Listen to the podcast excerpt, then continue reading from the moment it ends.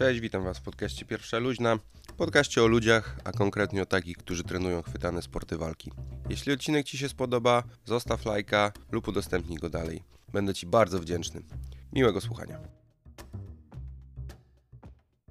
Gościem kolejnego podcastu jest Adrian Hoffman, ex-grappler, trener, wykładowca, autor, organizator obozów i nie tylko.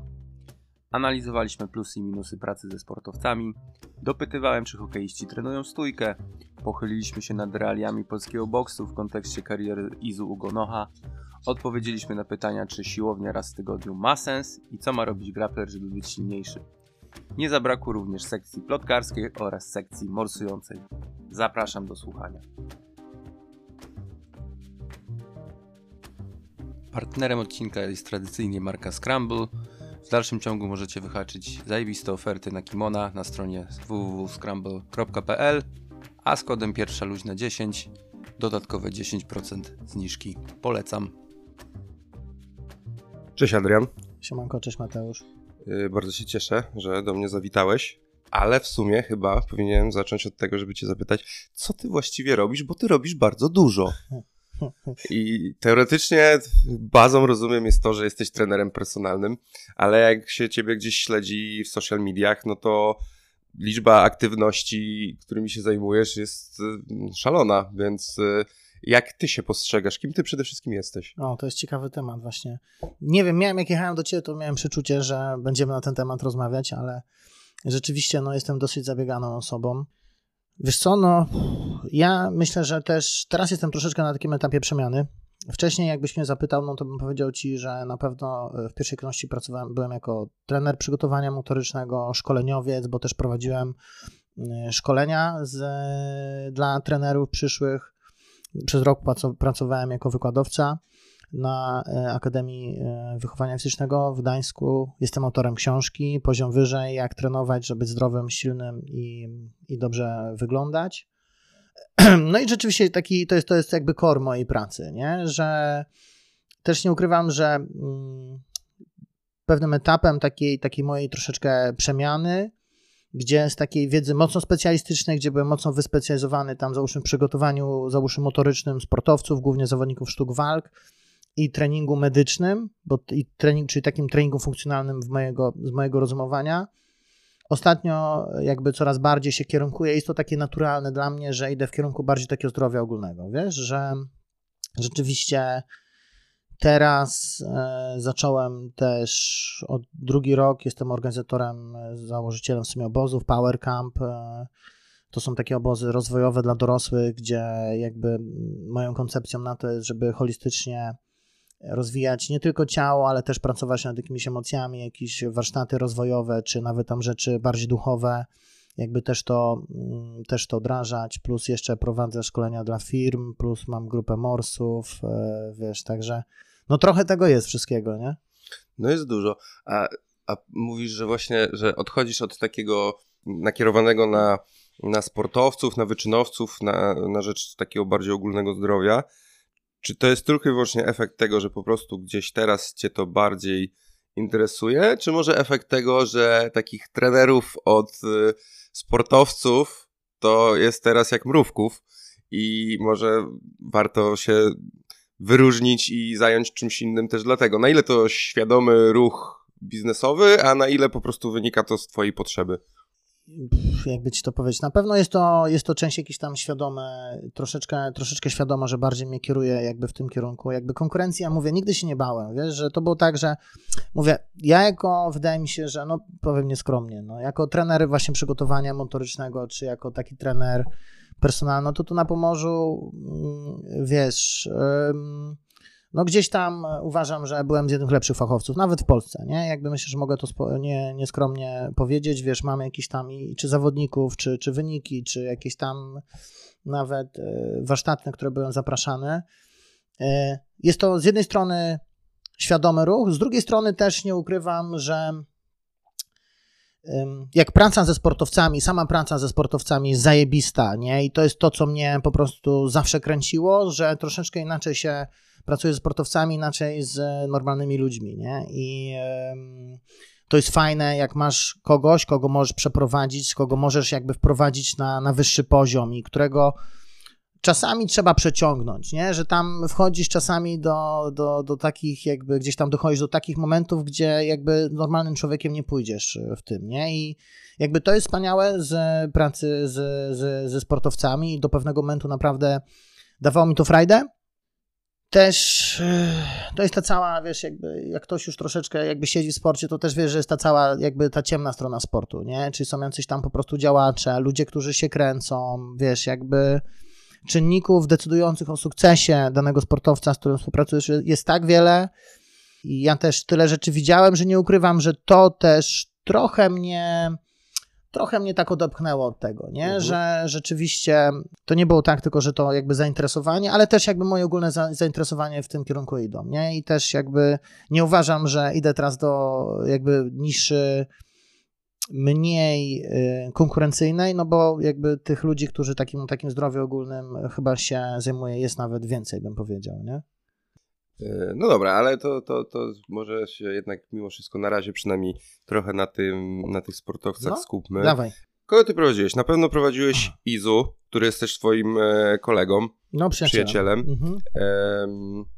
I o Izu chciałbym może jeszcze za chwilkę, no. ale jakbyś tak się mógł y, pochwalić takie największe nazwiska, które gdzieś tam wspierałeś w ich drodze po, po, po sukces. Wiesz co, tylko sportowców sztuk walk, czy... Nie, jeżeli, no. oczywiście najbardziej nas Dobra. oni interesują, byłem ale jeżeli no, masz jakieś takie byłem, duże, duże nazwiska no. z innych dyscyplin, to też... Byłem trenerem przygotowania motorycznego tutaj drużyny hokejowej Ekstraklasy przez e, tutaj naszej gdańskiej stoczniowca. Czy oni trenują boks? Czy oni, czy oni się, jak oni się tłuką, przecież to jest oficjalna część hokeja. W sumie nie wiem, jak jest nie. to w Polsce. W Polsce tak się nie tłuką. W Polsce to, się tak to, nie to tłuką? To w NHL, Kurde. ale w Polsce tam, tam szybko to ucinają. Był jeden taki zawodnik, Urban, ten syn Janka Urbanowicza, Szymon, który tam rzeczywiście był taki boruciarz, ale no u nas w Polsce to, to, to okay. nie jest tak jak w NHL, nie? Że, że tam się biją. No właśnie, bo mnie Ania moja y, namawia, żebyśmy y, poszli na hokej, więc muszę ją niedługo zabrać. No nie ma już nas drużyny hokeja, nie? Przez to Szyniowiec niestety tutaj ze względu właśnie na tych... Naprawdę? Na zarzut, no jakby Nasz tutaj miłościwie panujący, nie będę wymieniał nazwiska, właściciel hali Oliwia tak mocno uprzykrzał życie drużynie hokejowej, że niestety musiała e, zrezygnować. To nie ma meczów hokejowych? Nie ma już teraz? drużyny ekstraklasy hokeja w Polsce, która była przez wiele lat i była gdzieś tam zawsze w czubie jakby... O nie, to co ja teraz zrobię? Dobra, będę musiał coś wymyślić.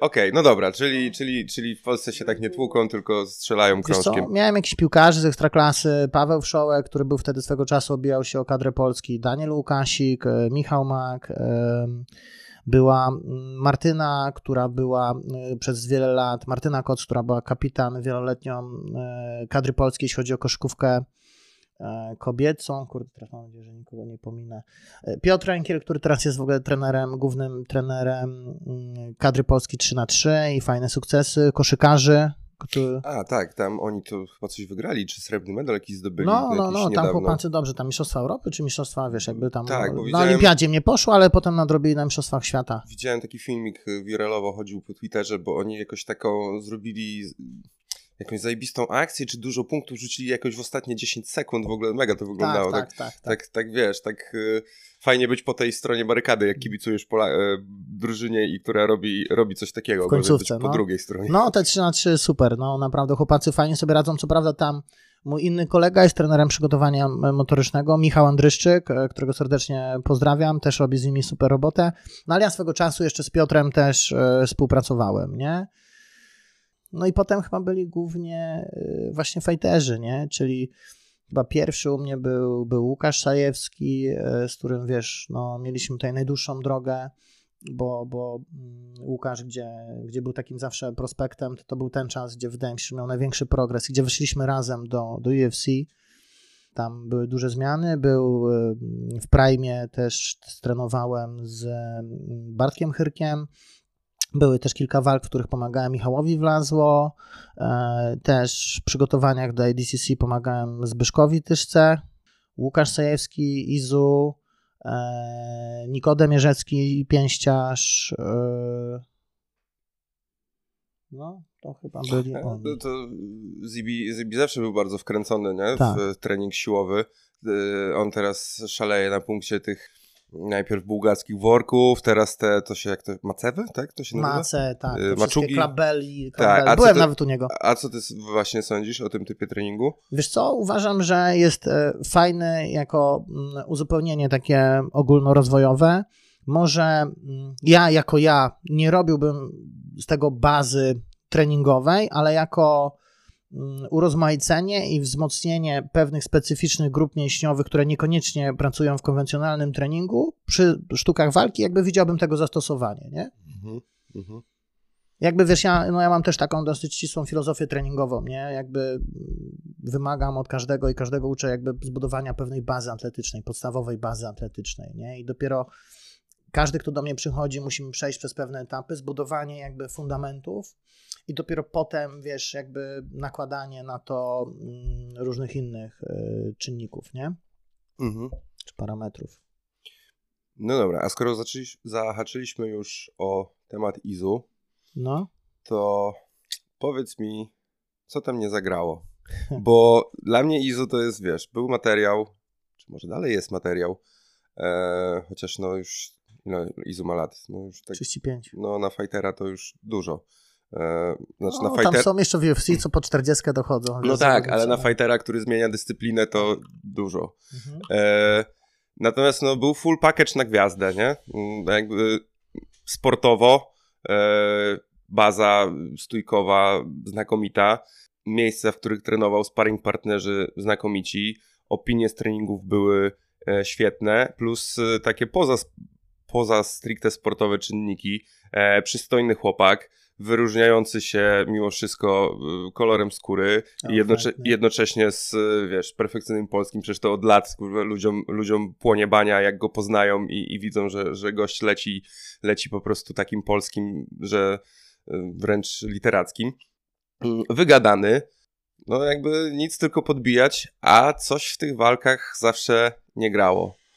Czy masz na ten temat jakąś teorię? Rozmawiałeś z nim albo masz swoje przemyślenia? Bardzo dużo na ten temat rozmawiamy. Ja też jakby nie wiem, czy za wszystkim, jakby o wszystkim chcę, chcę mówić. Oczywiście, Wiesz, ale, ja jestem tu no, po to, żeby ale, pytać, ale, ale, tak, ale jakby z racji, wiesz, jako, ta- jako, jako trener mogę odpowiedzieć, nie jako przyjaciel, wiesz, że jakby byłem przy, byłem blisko przy wielu jego różnych momentach i wiesz co, czasem tak w życiu jest, ja myślę, że jeśli ktoś myśli, że, mm, że Izu na przykład jemu nie zależało, albo że on robił to tylko dla kasy, y, nigdy nie widziałem takiego momentu w jego życiu.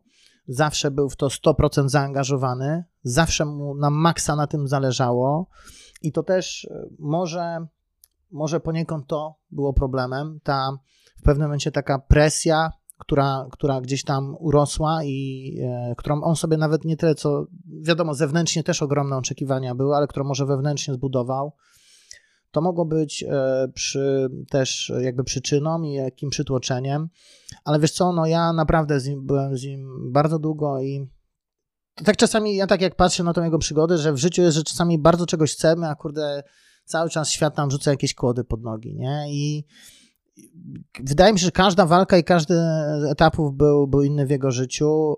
Tam zawsze było coś dookoła, co kurczę jakby nie stykało. Nie? Że zawsze były jakieś takie czynniki, wiesz, my, tak jak popatrzę na przykład, wiesz, jak, no właśnie to są te realia polskiego sportu, nie? Że na przykład jak popatrzę na karierę mm, Antonego Joshuły, albo wiesz, e, Usyka, czy Łomaczenki, wiesz, tam jakby wszystko jest idealnie po kolei prowadzone. Byli, e, był materiał na zawodnika w młodym wieku już wyłapany, który był idealnie prowadzony, który miał idealnie stworzone warunki do tego, żeby po prostu on miał tylko trenować, robić swoje, a cała reszta rzeczy dookoła się działa.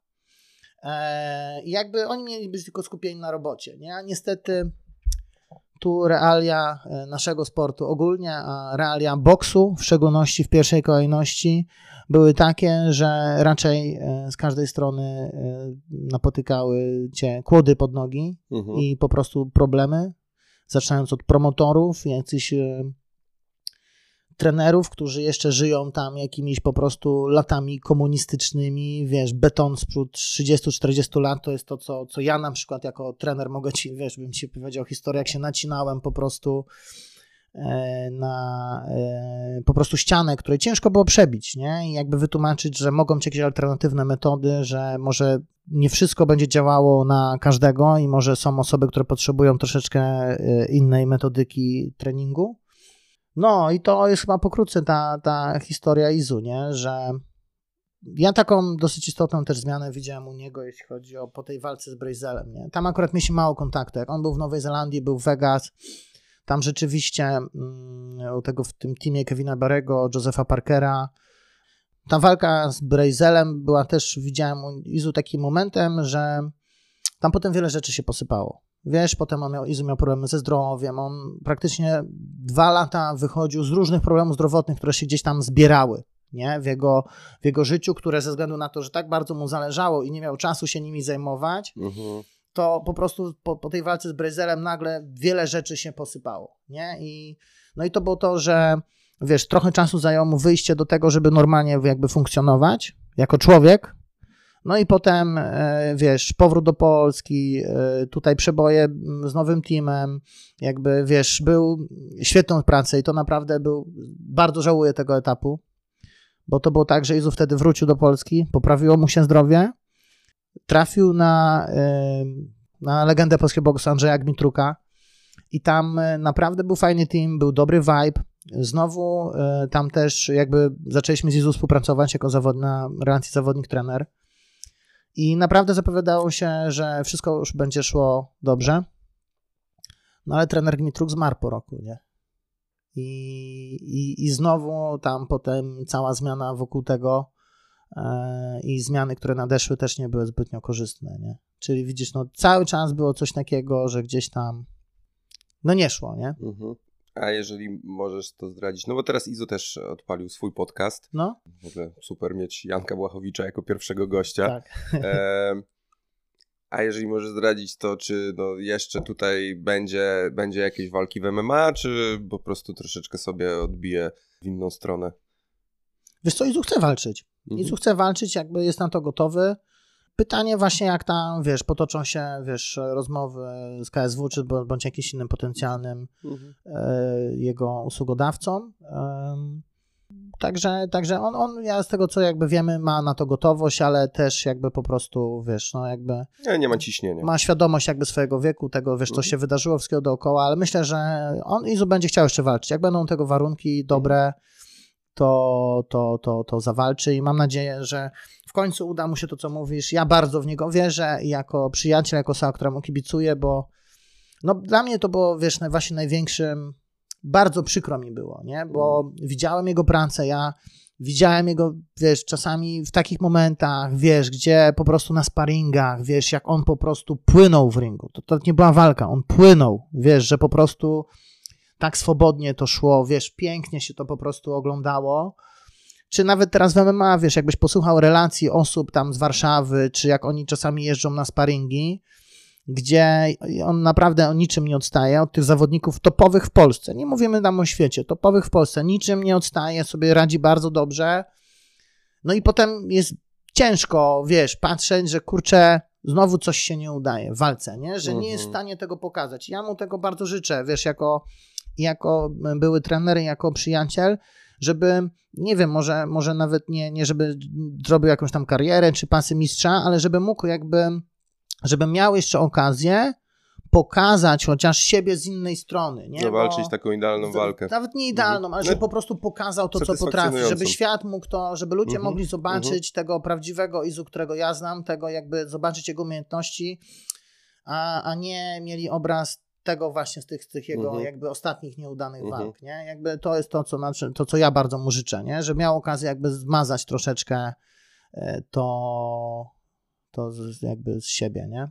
Jasne. No, to jest straszne w tym sporcie, że e, jeżeli coś e, pójdzie nie tak, to następna okazja do rehabilitacji to trzy miesiące pewnie no. przynajmniej. To nie jest piłka nożna, gdzie za tydzień znowu będzie kolejka ligowa i, i, i strzeliłeś samobuja, a w następnej strzelisz dwa gole i dasz wygraną drużynie i będziesz znowu królem, tylko musisz z tym żyć teraz pół roku, nie? I to jest, to jest w ogóle mega obciążające psychicznie, wydaje mi się, w tym, tym sporcie. No ale dobra, ale dlatego to... rola, wiesz, tak, przepraszam ci przerwę, dlatego tak ważna rola jest ta, tego treningu mentalnego, nie? że przepracow przepracowanie tego właśnie tak jak wspomniałeś, nie? Koszykarze, piłkarze, ok, mają gorszy mecz, zagrają gdzieś tam, coś tam nie pójdzie, e, wiesz, mają szansę już za tydzień się zrewanżować, a, a jako fighter, wiesz, e, po prostu żyjesz tym brzemieniem, że trenowałeś, że że przegrałeś, że jakby wiesz, jeszcze jeśli ktoś nie ma przepracowanych tematów z własnym poczuciem wartości, to jakby całe jego poczucie wartości po prostu spada. Wiesz, potem jest ta presja do udźwignięcia po kilku miesiącach. Mówisz, dobra, to jest moja szansa, żeby odbudować swoje życie. Mhm. I ta presja narzucona, że teraz jakby twoja jest jedyna szansa, żeby jakby odbudować się, nie? I no dlatego, dlatego mówię, że ja jako będąc osoba dookoła sportu, zacząłem też poniekąd dlatego troszeczkę to moją drogę wybrałem e, szerszą, bo jakby widzę, że jest tyle aspektów wpływających na jakby sukces sportowy, ale też nasze jakby ogólne samopoczucie w życiu, e, które gdzieś tam chciałbym poszerzyć, czy jako trener właśnie, czy jako ogólnie jako, jako, jako człowiek, nie? Mhm.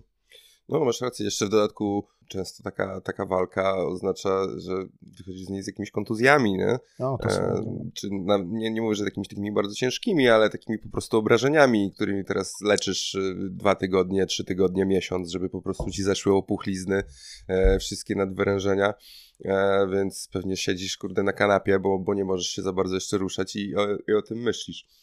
No plus powiedzmy sobie szczerze, że tak naprawdę możesz walcząc, może stracić życie, o tym się nie mówi, nie? Ale jakby jest wysokie zagrożenie tego, że tam będziesz miał poważne uszkodzenia, nie? W szczególności w boksie, nie? MMA na szczęście te małe rękawice mają tam troszeczkę inne uwarunkowania, że cię bardziej potną, no ale jakby zawsze jest zagrożenie, że ktoś cię tam gdzieś tam za mocno strzeli, no może tak. nie teraz, ale kilka lat później. Życie, wiesz, no. albo wiesz, jakieś poważne, ten no Michael Bisping stracił oko, tak? No. Bezpośrednio jakby w wyniku kopnięcia w walce. Tak. Więc y, ciężka sprawa.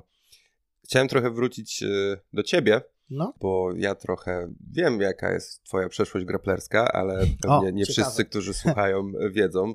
E, to gdybyś mógł opowiedzieć, jaka jest twoja właśnie baza grapplingowa i doświadczenia związane z tym sportem tak pokrótce? Kurde, zajebiście, że to poruszasz w ogóle, bo to był też taki fajny etap w moim życiu. E, wiesz co, ja, y, no ja zawsze jakby gdzieś tam trenowałem sport. Wcześniej e, jako nastolatek i do czasu studiów grałem w piłkę nożną. Nawet tam nieźle, bo nawet tam potem, jak miałem się kupiłem do trzeciej ligi, do Rumi jeździłem. Mm, trzecia liga to no, już... wtedy nawet, dostałem, nawet mi płacili za to pieniądze. No właśnie, bo to już no. o to chodzi, że ta piłka nożna jest tak dziwnym sportem w tym kraju, że grając w trzeciej lidze można z tego żyć, nie? Tak, no tam nie, tam, tam, tam byli chłopacy, którzy z tego żyli, rzeczywiście myślę, że zarabiali wtedy po 4 tysiące, plus mieli pracę, wiesz, normalną, a... No to dzisiaj takie 4 tysiące wtedy, no to no, dzisiaj to 7, pewnie... 8. No byli tacy chłopacy, którzy tam, myślę, że spokojnie czwórkę zarabiali, ja tam dostawałem, nie wiem, 500 zł miesięcznie, czy tam 600, mhm. ale dla młodego chłopaka 18-letniego to było, wiesz, ciekawe. E, no ale to jakby gdzieś tam znowu też trochę mm, jakieś tam kontuzje, znowu też trenerzy i mi się posypało i gdzieś tam poszedłem na ten studia na WF.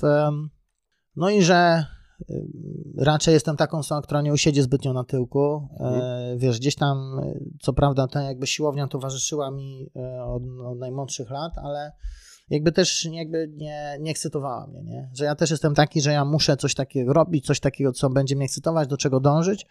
No i wpadłem na pomysł, że jakby zapiszę się na e, MMA, i y, pamiętam, się przymierzałem do tego, że od września jakby z takim moim kumplem, że pójdziemy tam y, do Sarmati, mhm. Akademia Sarmatia w Gdańsku. Mhm. E, oczywiście ten kumpel mnie wystawił. Ja pamiętam, wiedziałem, że y, od razu podszedłem do jeszcze teraz do Boruty i wiedziałem, że żeby się nie zniechęcić, od razu mu płacę za karnet i że muszę chociaż ten miesiąc pochodzić, nie? No i pamiętam rzeczywiście ten, mój pierwszy trening to na szczęście było BJJ e, samo, wiesz, e, w tej jakiejś tam grupie początkującej. To było w tej piwnicy na Kościuszki? Tak, na Kościuszki, tak. dokładnie, tam miałem no. pierwsze treningi, no, no. no, no, Na Kościuszki, na, w, tej, w tej piwnicy.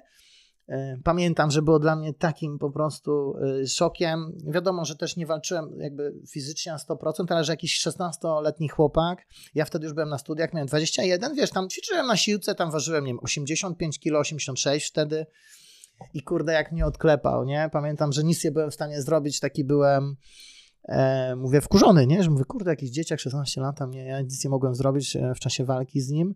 No i tak zaczęła się ta moja e, przygoda z MMA, z BJJ. Tam chyba trenowałem codziennie, wtedy pięć razy w tygodniu, bo było tak, że było, nie pamiętam, trzy razy w tygodniu BJJ, był chyba raz czy dwa razy w tygodniu boks i raz były zapasy. Mhm. No i tak to wszedłem, nie? Że chciałem wszystkiego po trochu, wiesz, zajarałem się, wtedy też nie miałem tyle kasy, to mówię, jak już kupiłem sobie karnet na, na, na, na tą Sarmatię, no to na nic innego już nie miałem pieniędzy, na żadne inne e, rozrywki. No i wkręciłem się i wiesz, naprawdę jakby mogę powiedzieć, że mm, BJJ było brazylijskie jiu-jitsu, be- bez kimon, ja bardziej zawsze jakby robi, robiłem tą wersję nogi, było przez takie 3-4 lata moją taką naprawdę pasją, wiesz, i tam siedzi, śledzi, na bieżąco śledziłem wydarzenia na Grappler Info, interesowałem się. No i po, po roku treningów pojechałem, pamiętam, na pierwsze zawody, to był y, Puchar Polski w Poznaniu, nogi, Mhm. tam chyba w ćwierćfinale odpadłem, czy w w mojej kategorii wagowej, oczywiście w początkujących, nie? Mhm. I pamiętam potem na drugie zawody pojechałem e, ADCC w Szczecinie, Mistrzostwa Polski. Tak, wtedy zawsze były co roku w Szczecinie. Tak, co roku, no, w Szczecinie. E, I ty wyobraź sobie, że w kategorii początkujących trzecie miejsce zdobyłem. Na drugich zawodach? Tak, na drugich Super, zawodach, no, w super. kategorii tam 85 kilo, e, w początkujących. Trzecie miejsce. Trzy razy pod rząd klepnąłem wszystkich trójkątem, duszeniem trójkątem nogami. O, Bardzo moja ulubiona technika kończąca, nie? Zawsze mi wchodziła z gardy, po prostu miałem jakiś taki timing dobry w tym, że o. no, trzy, i to trzy razy pod rząd, wyobrażasz No, no, sobie, no. no. Jakby dzięki potem przegrałem z gościem właśnie w tej walce mm, półfinałowej.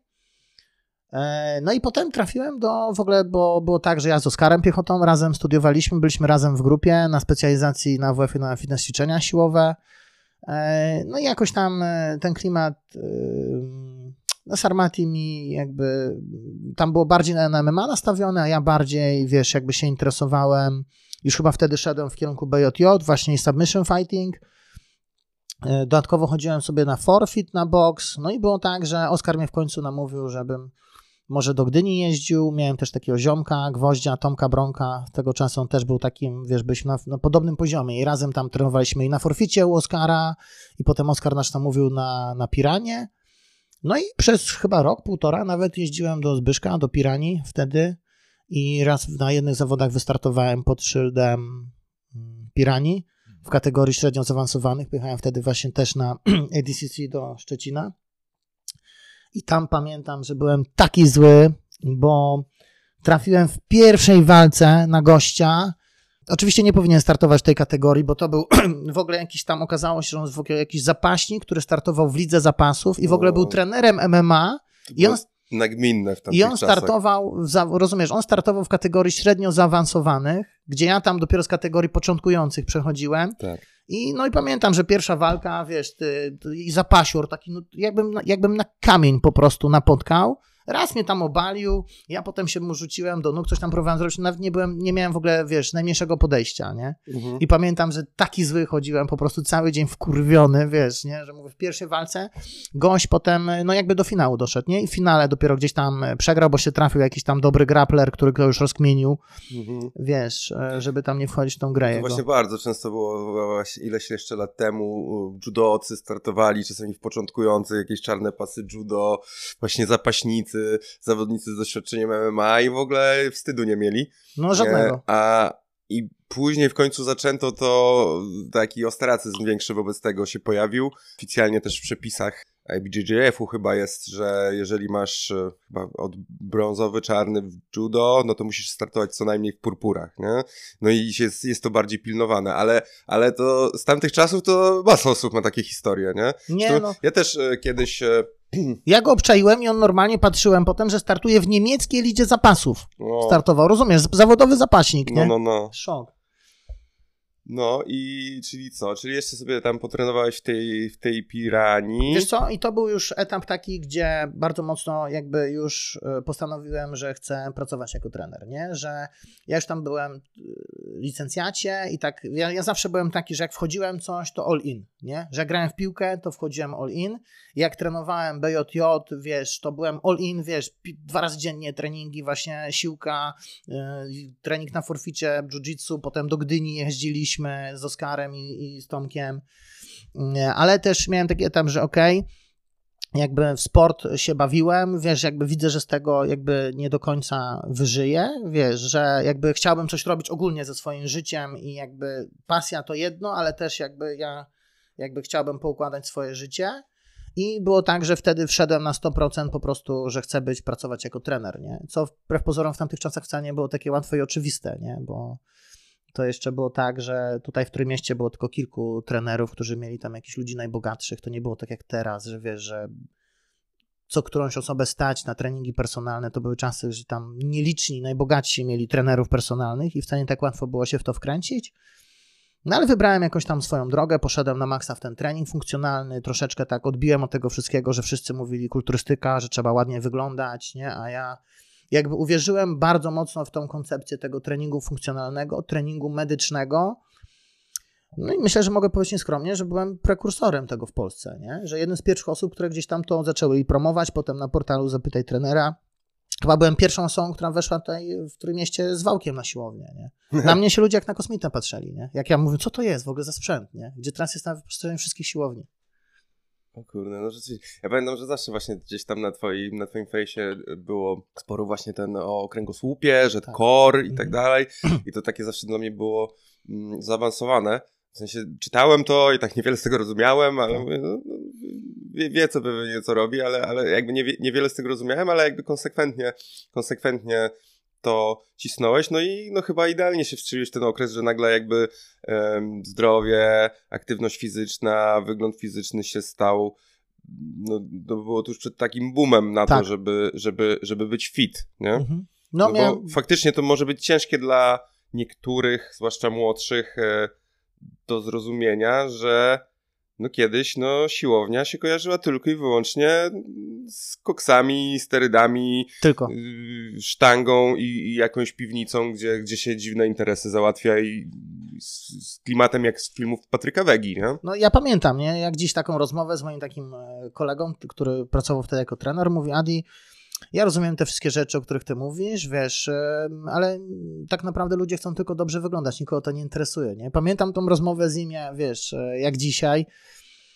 Ja jakby uszanowałem jego zdanie, ale jakby, wiesz, jakby chciałem iść tą, jakby wierzyłem bardzo mocno w tą drogę, że jakby, że poprzez trening mogę dać komuś coś więcej pod kątem zdrowia, sprawności, niż tylko jakby dobry wygląd i, i jakby i znowu też ten mój taki, wiesz, umysł, który po prostu jak wchodzi coś, to wchodzi na 100%, na maksa w to wszedłem, wiesz. Ja pamiętam, że przez no kupę hajsu na szkolenia, jakieś książki ze Stanów, bo w Polsce nie było takich materiałów, wiesz, tak naprawdę e, gdzieś tam za granicą byli ludzie w Niemczech, którzy się tym e, interesowali i przyjeżdżali. No kupę hajsu wydałem na szkolenia, na materiały i w ogóle też gdzieś tam szukałem, no tylko na zagranicznych portalach informacji wtedy w tamtym temacie na ten, no bo u nas w Polsce mhm. to był tam Animal Pack Team Gdańsk, wiesz, kulturystyka mhm. e, i, i dopiero to raczkowało, nie? Także mhm. rzeczywiście jakby no, miałem idealny timing, nie? Że, że gdzieś tam uwierzyłem w to, gdzie jeszcze inni nie uwierzyli, to dzięki temu też pomogło, wie, wiem, że teraz przez czasu to mi pomogło też jakby wybić się w tym temacie, nie? I ogólnie wypłynąć też jako, jako trener, nie?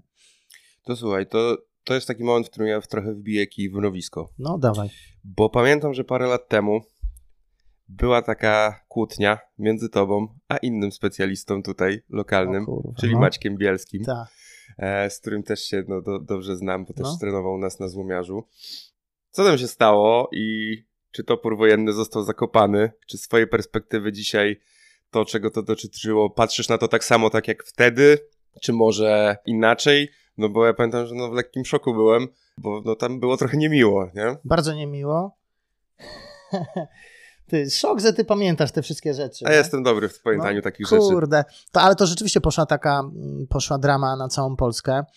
E, wiesz co, to też niekoniecznie, mm, tam była jeszcze jedna osoba w to zaangażowana, był Jakub Maurycz w to zaangażowany i w sumie on był takim jakby y, czynnikiem decydującym, który tam prze, przesadził w tym temacie. Jak już Mauricz, który zniknął trochę, nie? No, zniknął, zniknął, zniknął. Wiesz co, generalnie jakby to nie zabrzmiało, afera była o BCA, bo ja napisałem, że BCA nie działa jakby i, i, i, oni po prostu mieli tam jakieś swoje forum i mnie zwyzywali, że jestem idiotą, wiesz, że coś tam, żeby tam nie słuchać takich debili jak Hoffman, wiesz, to były słowa tam Maćka Bielskiego, że tam mocno mnie naobrażał jakby na tym swoim wewnętrznym forum. Oczywiście ludzie mi potem o tym donieśli, ale to też nie chodziło do końca o to. To też jakby poniekąd było pokłosiem tego, że miałem jakąś tam wymianę słowną, która się niekoniecznie podobała właśnie Kubie Mauriczowi. Wiesz, wychnąłem mu.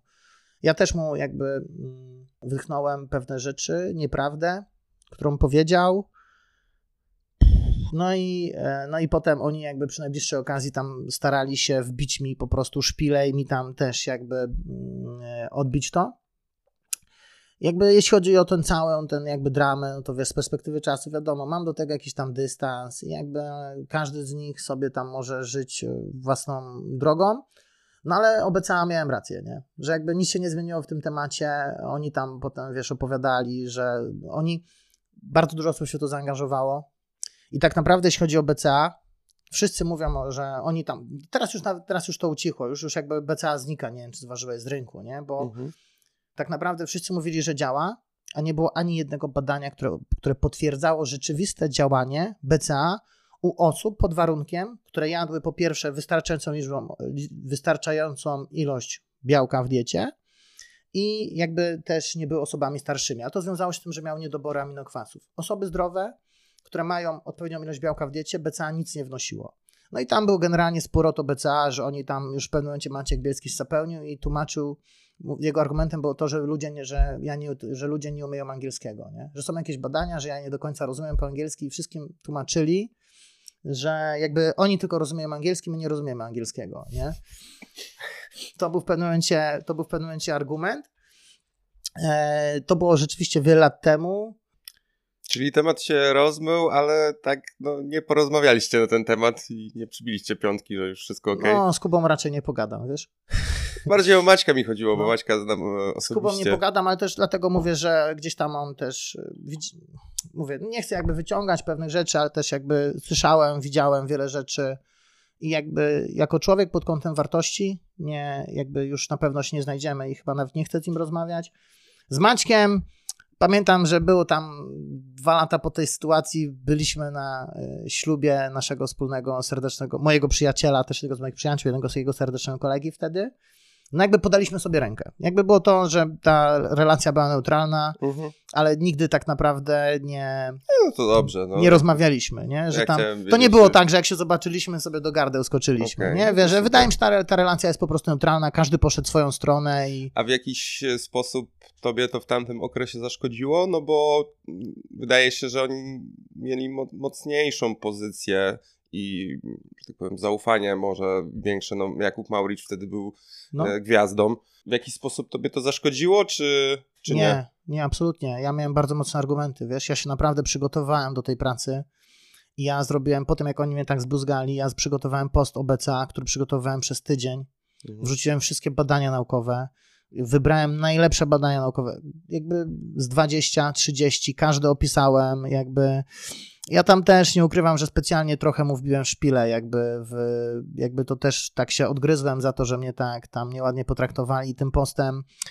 Trochę wydaje mi się, że, że jakby mm, raczej, raczej e, oni stracili. Ja raczej wydaje mi się, że jakby w tej pozycji wtedy, z tych czasów, jakby no jakby miałem rację, nie? Jeśli chodzi o samo BCA, tam ten cały spór to jest tam inna sprawa, to co mhm. było dookoła, jeśli o BCA dalej jakby no nic się nie zmieniło w tym temacie, ono dalej nie działa, wiesz, a oni po prostu tam e, no tak mocno w tym szli. Też zaangażowało się wiele w to osób, w tą rozmowę, zaangażowało się wiele osób, które były też autorytetami dietetycznymi, nie? Mhm. W tamtym czasie. Był tam e, Dawid Białowąs, Paweł Strychalski, Tadek Sowiński, wiesz, mhm. to gdzie to jest też czołówka jakby dietetyczna e, w Polsce i jakby te osoby przyznały mi rację, nie? Mhm. Wiesz, w tamtym czasie, nie? Że wiadomo, że no Kuba był wtedy, wiesz, on rzeczywiście był na topie, jego tam po prostu wszyscy znali, wiesz, wyskakiwał z jakby z, z każdego miejsca, wiesz, jak to się mówi, z tej lodówki. Tak. No ale jakby, no miałem, ja miałem rację, nie? Jakby i nic, i nic po, potem mimo tego, że minęło kilka lat, jakby nie zmieniło się w tym temacie, nie? Mhm, okej, okay, okej. Okay.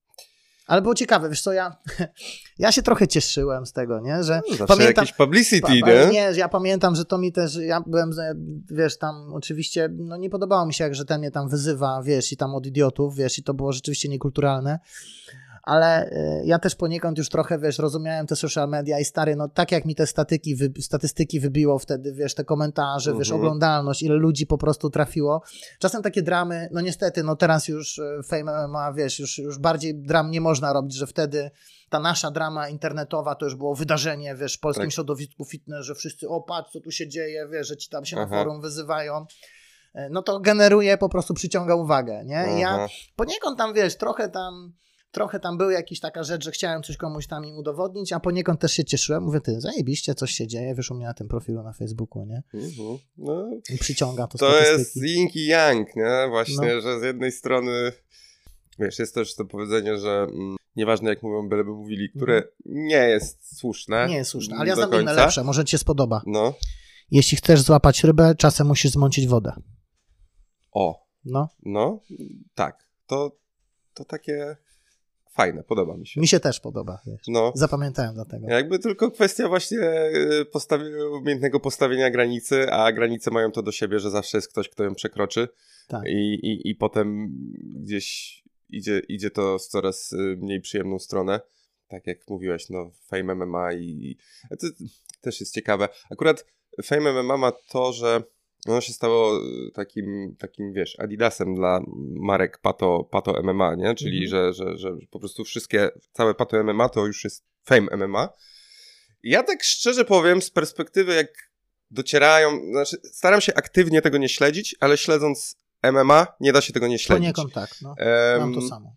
I mam wrażenie, że tam na poziomie jakichś osób zarządzających tym Fame MMA, takim, tak naprawdę tym zarządzających, czasami są wykonywane ruchy nawet nawet niezłe. No teraz ostatnio było, że takie oświadczenie, nie, że oświadczenie za, za, zabronili im... Jakby... promowanie kryminalizmu. Tak, tak. I, I trochę jest takich ruchów. Mam wrażenie, że ten Krzysztof Rozpara, który jest tam chyba jednym z głównych rozgrywających, to jest całkiem rozsądny człowiek i wykonują trochę dobrych ruchów, no natomiast jakby ludzie, którzy w tym uczestniczą, e, tak bardzo chcą, chcą się wybić, że po prostu są gotowi zrobić wszystko. I jakby ja nawet nie mam już nic do tego, co się dzieje w oktagonie, konferencje mnie wkurwiają. No, no patologia to jest. Wiesz, wiesz rzucanie no, szklankami, tak. mięsem, kto kogo bardziej na ten siedzą, tam przychodzi Kto jest publika. bardziej gitem, kto nie jest gitem, wiesz, kto jest bardziej, wiesz, konfidentem. Już nawet nie to, nie? Bo, bo to taki właśnie się teraz trend zrobił, ale ogólnie nie ma tam nikogo, kto by chciał to rozegrać inaczej, jakoś inteligentnie. Jakby ja się śmiałem, że Marcin Najman był najinteligentniejszą osobą tam na tych konferencjach. On przynajmniej potrafił rzucić jakimś bardziej zaawansowanym dowcipem, czy, tak. czy coś. Ja w tak ogóle jak... wiele lat, ja wiele lat uważałem, że Marcin Najman to jest czysta kreacja, to jest geniusz. On w pełni świadomie jakby zbiera na siebie całe to gówno i na tym zarabia. No jak trochę tam posłuchałem jego wypowiedzi, to chyba jednak tak nie jest, to ale... Jest po prostu taką, ma taką personę. No, no, ale, ale jakby on... Się... Ale zaakceptował tą swoją rolę. Na tak, pewno on zaakceptował tak. tą rolę i na pewno świadomie jakby zobaczył, że ok, jako, jako bohater pozytywny nie, nie rozegram dużo w tym świecie, ale jak widzę, że jako postać negatywna mam takie profity z tego, no to warto w to iść, nie? Na no, pewno, nie? Tak, to prawda, no. No dobra, starczy, starczy Ale z tym opato. powiem ci, że, że jakby mam to samo, że jakby ja sam nigdy nie wykupiłem żadnej walki, tak. wiesz, y, dwa razy może jakieś dwie gale widziałem, nawet nie chodzi o to, że tam uważam, że to jest jakieś e, bardzo złe. Po prostu mnie to nie interesuje, nie? Że mhm. jakby mnie zawsze kręcił ten aspekt sportowy. Tak, to jest e... smutne, że ludzi no, to interesuje. Tak, i, no ale wiesz, to, to szkoda, że ludzi to, to, interesuje. Ale niestety to chyba tak, ja to już jakby zaakceptowałem, że wiesz, już w czasach jakby rzymskich, wiesz, e, Igrzyska Olimpijskie to była tania rozrywka dla ludu i większość osób to po prostu interesuje, ta tania rozrywka, nie? Że albo będą oglądali Fame albo będą oglądali jakieś tam po prostu reality show, programy takie o najniższej wartości, gdzie nic, gdzie nic nie znajdą, no i trzeba, ja przynajmniej to zaakceptowałem, nie? Że okej, okay, mnie to nie interesuje, bo to w ogóle nie jest mój świat. Szkoda trochę, że, że wiesz, że, mm, że wiele osób też podąża tą drogą, no ale no jest tak jak jest. No niestety podąża, bo, bo tam się pojawiają pieniądze. To jest tak. smutne, że to właśnie I to się generuje Najgorsze, pieniądze. że pieniądze i to jest promowane, nie? że ludzie myślą, że to jest tak, że to jest jakby właściwa droga. Nie? To jest akurat trochę przykre, nie? że Dlatego.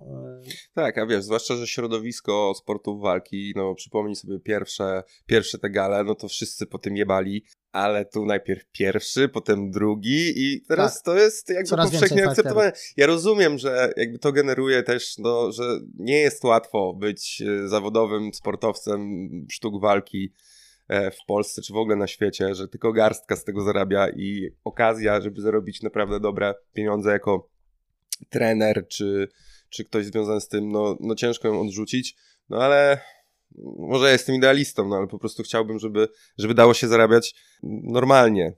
Ale wiesz co, to jest też wina zawodników. To jest ewidentnie wina zawodników. Okej, okay, są jakie warunki, jakie są, ale to jest to, że oni muszą jakby zrozumieć, że jakby że jeśli, że jeśli chcą zarabiać pieniądze, no to okej, okay, aspekt sportowy jest taki, ale muszą też zadbać o tą stronę jakby pokazania siebie. I to czasami to nie chodzi o pajacowanie jakby w internecie, że ty musisz nagle skakać jak małpa, być jakimś tam nie wiadomo y, co robić. Czasem wystarczy być sobą, pokazywać te rzeczy, które się robi, jakby mówić o tym otwarcie i będzie grupa osób, która będzie za tą podążać. Rozumiem, że każdy jakby znajdzie swojego odbiorcę, tylko muszą to robić. Ja też tu mam takiego, nie będę, mam, mam, mam kolegę, który też w późnym wieku tam zaczął zaangażowany w sztuki walki. Ja mówię, stary, fajnie, że jesteś sportowcem, ale zrób coś, pokaż się światu, żeby cię mieli w ogóle z czegokolwiek jakby zapamiętać, rozpo- mhm. zapamiętać, wiesz, żeby jakoś cię rozpoznać, w jakikolwiek sposób ciebie mm, poznali i mogli jakby się w mniejszym, większym stopniu utożsamić z tobą, nie? No a jeśli tego nie robią, no to znaczy, że przespali pewien moment, nie? I teraz nie można narzekać, sorry, kurde, Yy, czemu wy mi nie dajecie pieniędzy? No dobra, ale czy ty zarabiasz, wiesz, na siebie, nie? Sprzedaj no. coś, nie? Dla mnie najlepszym przykładem takiego podejścia jest e, Seba Przybysz, no. E, który jest po prostu naturalny, śmiesznym, dowcipnym kolesiem, który nie boi się tego pokazać.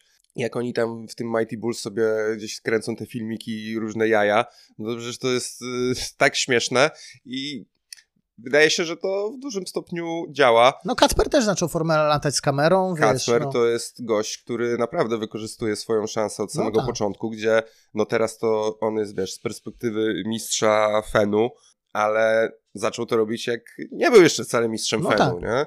I poszedł w to, mm, rozwinął się i, i, i dzięki temu wyrobił y, swoją pozycję. Dzięki temu teraz ludzie ciągle o nim mówią. E, on już tutaj chyba w Fenie nie będzie. Interesują się tym, gdzie pójdzie, co będzie robił. No teraz poleciał do Tajlandii i na pewno będzie stamtąd pełno ciekawych materiałów. Jak najbardziej, no słuchaj, ci zawodnicy, no często to jest albo wygrywasz walkę i, i masz mikrofon, tak? I masz tą y, minutę i kurde, powiedz cokolwiek więcej niż y, będę walczył z kimkolwiek organizacja mi podstawi, dziękuję Jezusowi i trenerom, no. koniec, nie? Ja kiedyś y, widziałem taką historię, teraz nie pomyliłbym nazwiska, jest ten Cody McBrand, Garbrand, Garbrand, Garbrand, Garbrand Cody Garbrand, że y, on ponoć też był takim chłopakiem, który był zawsze dobrze zapowiadającym się, E, e, ale tam zbytnio jakby nie przyciągał uwagi. Była taka opcja, że nawet mimo tego, że wygrywał walki w UFC, powiedzieli mu, że miał przecieki, że prawdopodobnie zrezygnują wiesz, z jego wiesz, usług. o kim ty mówisz? E, nie mówisz o Codim, tylko mówisz o Colbim Covingtonie. Colby Covington, no, no tak. no, no.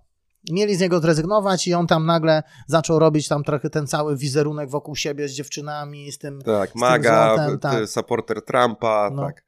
No. no i nagle okazało się, że i przyciąga ludzi i zarabia pieniądze. Wiesz, no niestety to to tak jest, że mm, no jakby trzeba się czymś wyróżnić. Ja na przykład wierzę bardzo mocno w, jeszcze w ten internet, że, że nie trzeba pajacować, nie trzeba robić się patola po prostu jakiegoś, że trzeba czasem właśnie zrobić coś takiego, wiesz, żeby po prostu, żeby ludzie cię poznali i pokazali się, wiesz, nie bać się powiedzieć, jeśli masz coś do powiedzenia ciekawego, wiesz, przyciągnij jakoś uwagę, nie? I to, i to nie znaczy, że to wcale nie będzie spójne z tobą, nie? Że jakby ja też jestem taki, że gdzieś tam się uczę tego internetu i też jakby funkcjonować z tym, wiesz, i ze swojej perspektywy, wiesz, kiedyś byłem taki, że właśnie napięty, że się boję coś powiedzieć śmiesznego albo, wiesz, zrobić takiego szalonego.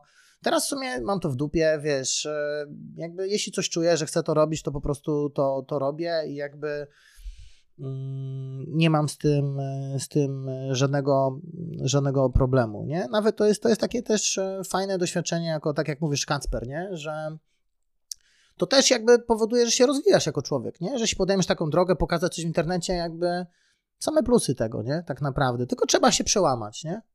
Tak, no wiesz, ja, ja też yy, myślałem, myślałem długo nad tym, żeby może uruchomić y, ten podcast i w końcu przyszedł jakiś taki bodziec, mówię, muszę ruszyć. E, pierwsze trzy odcinki po prostu nagrałem zwykłym krawatowym mikrofonem, najprostszym na świecie. Po trzech odcinkach wiedziałem, że chcę robić to dalej i sam czuję, że, że się rozwijam, że z odcinka na odcinka, odcinek jest e, coraz lepiej. Naprawdę jestem w kontakcie z fajnymi gośćmi, przyszłymi nazwiskami i mhm. będzie, będą się u mnie działy rzeczy. Widzę, że, że, że coraz jest gdzieś o tym głośniej. Idzie to powoli, ale wierzę, że quality content się obroni. E, I, I myślę, że tutaj za pół roku będę w takim miejscu, że będzie super, nie? Jakby jestem szczerze przekonany o tym. Quality i volume. Nie? Niestety też e, jest potrzebna tutaj duża objętość nie? tego wszystkiego. Nie? Że... Dlatego postawiłem na to. Jeżdżę po, po mhm. klubach, nagrywam po kilka odcinków na wyjazd. Generuję to, wiesz, koszty i jestem gotowy to na razie ponosić bo właśnie chcę regularnie publikować, co minimum co dwa tygodnie, tak naprawdę co tydzień i być oczywistym rytuałem każdego graplera w tym kraju, że ileś treningów w tygodniu i, no. i w poniedziałek y, pierwsza luźna do przesłuchania. O, no to super, zajebiście. Słuchaj, a propos właśnie graplerów i twojej wiedzy, którą mogliby wykorzystać, mhm. bo ja mam coś takiego, że mimo wielu lat tym sporcie, w tym środowisku, otaczając się ludźmi, którzy trenują jiu-jitsu, którzy trenują MMA, ja jestem dosyć odporny na wiedzę dotyczącą mm, treningu siłowego. Okay. E, w sensie, no oczywiście gdzieś pozyskuję te informacje, ale patrząc ile ich powinienem wiedzieć, to jakoś to tak do mnie słabo dociera. Dlatego bym teraz cię prosił, żebym w tej części, żebyś mówił do mnie jak do idioty. Nie? Dobra. Najprościej jak się da, e, bo być może nie tylko ja się z takim, e, z czymś takim mm, męczę i, i, i często wiele informacji na temat treningu siłowego, które czytam, jest dla mnie średnio zrozumiałych i niespecjalnie chce mi się aż tak w to zagłębiać, żeby to zrozumieć. Ale y, pierwsza sytuacja, o której chciałbym porozmawiać, to ktoś, kto trenuje jiu-jitsu, gi, no gi, ma mało czasu na dodatkowy trening, bo ma też pracę, bo ma też żonę, może dzieci, psa, konia, whatever i powiedzmy nie, ma, nie może sobie pozwolić na to, żeby pójść na siłownię, albo nie tyle nawet może sobie pozwolić, co szkoda mu treningu na macie. E, woli pójść zrobić ten, więc ma czas przed treningiem i po treningu. Może przyjść trochę wcześniej, albo może zostać trochę po treningu i zrobić jakieś dodatkowe ćwiczenia. Ze sprzętem czy bez? Bez. Powiedzmy, że z jakimś bardzo podstawowym, na przykład może jakiegoś ketla, może mieć e, coś, co znajdziesz na większości powiedzmy sal treningowych, ale nie idzie, e, nie ma karnetu na, na siłkę, nie ma, nie ma mm, maszyn, takich rzeczy. Więc po prostu mogę zostać po treningu i sobie czymś jeszcze pomachać albo porobić pomp. Taki jakiś podstawowy zestaw, który robiony w ten sposób pomoże budować, budować po prostu sprawność, która się będzie fajnie przekładała na, na walkę. Bez sprzętu generalnie nie, ciężko by było, żeby to było optymalne. Mhm. Jakby, wiesz co, bo to o to chodzi. Są jakby BJJ, y, treningi sztuk walki jest jakby, to jest jakby, traktujemy to jako trening wytrzymałościowy, nie? Tam też dochodzi jakaś wytrzymałość mięśniowa, bo masz dużo jakby chwytania, mm, ale to jest też jakby specyficzny też, raczej wytrzymałościowy bodziec dla naszej y, jakby tkanki mięśniowej. No i mamy drugi, to jest właśnie trening oporowy. I to jest od tego jakby trzeba zacząć, że treningiem oporowym możemy nazwać jakby wszystko, co będzie w pewnym stopniu jakby mm, powodowało jakieś większe napięcie na tkankę mięśniową. I teraz dla takiego zdrowia, ogólnego budowania atletyzmu, jakby ten trening oporowy jest potrzebny. No i teraz czego ty użyjesz do tego? Tak naprawdę nie będzie miało większego znaczenia, bo tak naprawdę czy głowa nie rozróżnia, czy ty masz sztangę, czy ty masz piłkę, czy ty masz ketla, czy ty masz, nie wiem, TRX-a. On ma do pokonania jakiś ruch. Okay? E, bardziej złożony lub mniej złożony i wygenerowanie jakby odpowiedniej siły. Od tego trzeba zacząć, nie? że tak naprawdę nie ma znaczenia na czym to robisz. Ważne do tego, żeby to był, żeby ten bodziec, który jakby podejmujesz, był jakby stopniowo ulegał coraz większemu obciążeniu. I na początek, jeśli osoba jest, jest też osobą nietrenującą mm, zbytnio siłowo, no to wiadomo, że dla ciebie będą właśnie trzy ćwiczenia na przykład z oporem własnego ciała, najprostsze, podstawowe, one będą dla ciebie jakby już, już wystarczającym bodźcem, żeby wzmocnić to ciało. Eee... Najprostsze podstawowe, czyli na przykład jakie? Zależy jak bardzo podstawowe, jak bardzo chcesz, żebym szedł, bo pamiętaj, że ja specjalizuję się w treningu funkcjonalnym medycznym, nie? I mhm to jest tak, że ja mogę bardzo dużo o tym gadać i zanim, dobra, to ci wytłumaczę. Pokrótce, ja wiem, dlatego, pokrótce, właśnie dlatego, dlatego chcę pchnąć dobra, to w taką stronę, żeby to, żeby nie było to, nie no. brzmiało to tak skomplikowanie. Dobra, to już wam, to, to już tak pokrótce wytłumaczę filozofię za tym stojącą, bo mhm. od tego trzeba wyjść, żeby potem pójść w jakieś tam dobra. detale. Okay. Jest taka, wyobraźcie sobie Państwo, piramidę przygotowania motorycznego sportowca, nie? I teraz e, mamy jakby czubek i mamy fundamenty. No i teraz jakby tym czubkiem jakby patrząc pod kątem jako trener przygotowania motorycznego, są poszczególne skille i umiejętności sportowe. I teraz na dole tego są fundamenty, czyli jakby taka podstawowa baza atletyczna. I dla mnie tą bazą atletyczną jakby jest elastyczność ciała, jego ewentualna mobilność, współpraca stawów, stabilność, praca mięśni głębokich, umiejętność e, poruszania się w podstawowych wzorcach ruchowych, takich e, ogólnych. Tych wzorców nie ma dużo. Jest 7 treningowych plus chód i bieg. Nie? I teraz, jak u mnie, jakby ta baza, jakby zawsze zaczynam od budowania tej bazy, czyli takiej podstawowej bazy atletycznej. Y, jakby to było niezrozumiałe, to jakby to wejdziemy i dopiero potem są już ukierunkowane zdolności motoryczne. Czyli zdolności motoryczne, po, łatwo. To jest siła, szybkość, wytrzymałość, moc, moc eksplozywna, tam wytrzymałość tlenowa, beztlenowa, zwinność. Jakby to jest jakby drugi etap. Jakby pracy i kształtowania takiego sportowca od podstaw. I teraz problemem wielu osób i tej, tej naszej starej myśli szkoleniowej jest to, że yy, u nas w, w ogólnie przygotowaniu brakowało tej pracy podstaw przez wiele lat nie? To jest to, że my mieliśmy świetnych piłkarzy, świetnych, nie wiem, zapaśników, graplerów, ale oni byli wbrew pozorom byli chujowymi atletami. Mhm. W Stanach, na zachodzie jest odwrotnie. Mhm. Tam właśnie zaczyna się od budowania tego fundamentu, tego atletyzmu i oni dopiero potem nakładają już te poszczególne jakby te, te parametry. Potem wiadomo, że już tą siłą idą równolegle, idą treningi sportowe, nie? Ale jakby oni zaczynają, wiesz, od ogólnych ćwiczeń budowania po prostu człowieka, który jest atletą, który obojętnie co mu dasz. Są tacy ludzie, na pewno poznałeś na swojej jakby drodze życiowej, którzy obojętnie jakiej oni by nie podjęli się aktywności fizycznej, będą w tym dobrzy. Mhm. Oskar, ta, Oskar Piechota był taki. Oskar był maszyną, nie? No. Że ja jak Oskara po prostu patrzyłem, no to to był taki człowiek, gdzie on by czego by nie zrobił, by był w tym bardzo dobry. Silny, skurwiel, wiesz, po prostu wytrzymały, e, elastyczny. E, dlatego, bo wcześniej gdzieś tam trenował capoeirę. Oskar miał właśnie jakby o, przykład Oskara jest idealnym przykładem atlety, który sportowca, który potem nakładał jakby, który, który potem by zaczął, mógł dokładać tego umiejętności do jakichś tam dyscyplin e, sportowych, nie? I właśnie mówię, że to nie jest takie proste, dlatego mm, niektórzy chcieliby prostych odpowiedzi, te odpowiedzi nie są takie proste i wiadomo, że ja mógłbym ci ułożyć plan mhm. treningowy dla takiej osoby, która ma tam załóżmy pół godziny przed treningiem, tak? No to ja bym ci powiedział wtedy, że wybrałbym, dostałeś ode mnie książkę w prezencie moją. Tak, dziękuję bym bardzo. Ci e, wybrał kilka ćwiczeń korekcyjnych dla ciebie, bym ci wybrał kilka ćwiczeń stretchingu dynamicznego, rozgrzewki dynamicznej, czyli takiego przygotowania ruchowego, która i ta rozgrzewka by była zbudowana w taki sposób, że ty byś e, wzmocnił swoje mięśnie głębokie, byś pracował nad zwiększeniem elastyczności w ciele, i jakby przygotował to ciało do treningu. ok? I jakby taką rozgrzewkę możemy na każdego zaplanować. Jest kilka ćwiczeń, e, gdzie wszechstronnie, dzięki nawet takiemu, to jest najprostsza droga, 15-20 minut przed treningiem, jakby poszerzamy Twój wachlarz możliwości sportowych. ok? I to jest teraz jakby jedna część.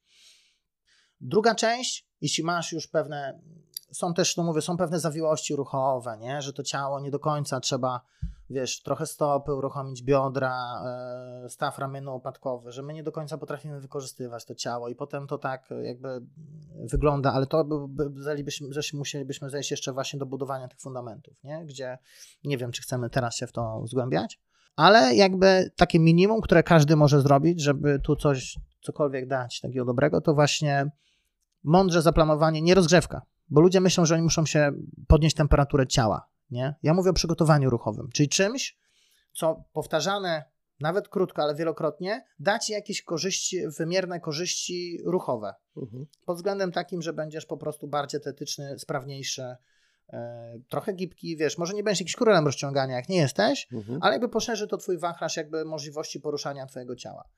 No i teraz w przypadku takiej osoby, która chce cokolwiek porobić, no to poszedłbym w kierunku dwóch rzeczy.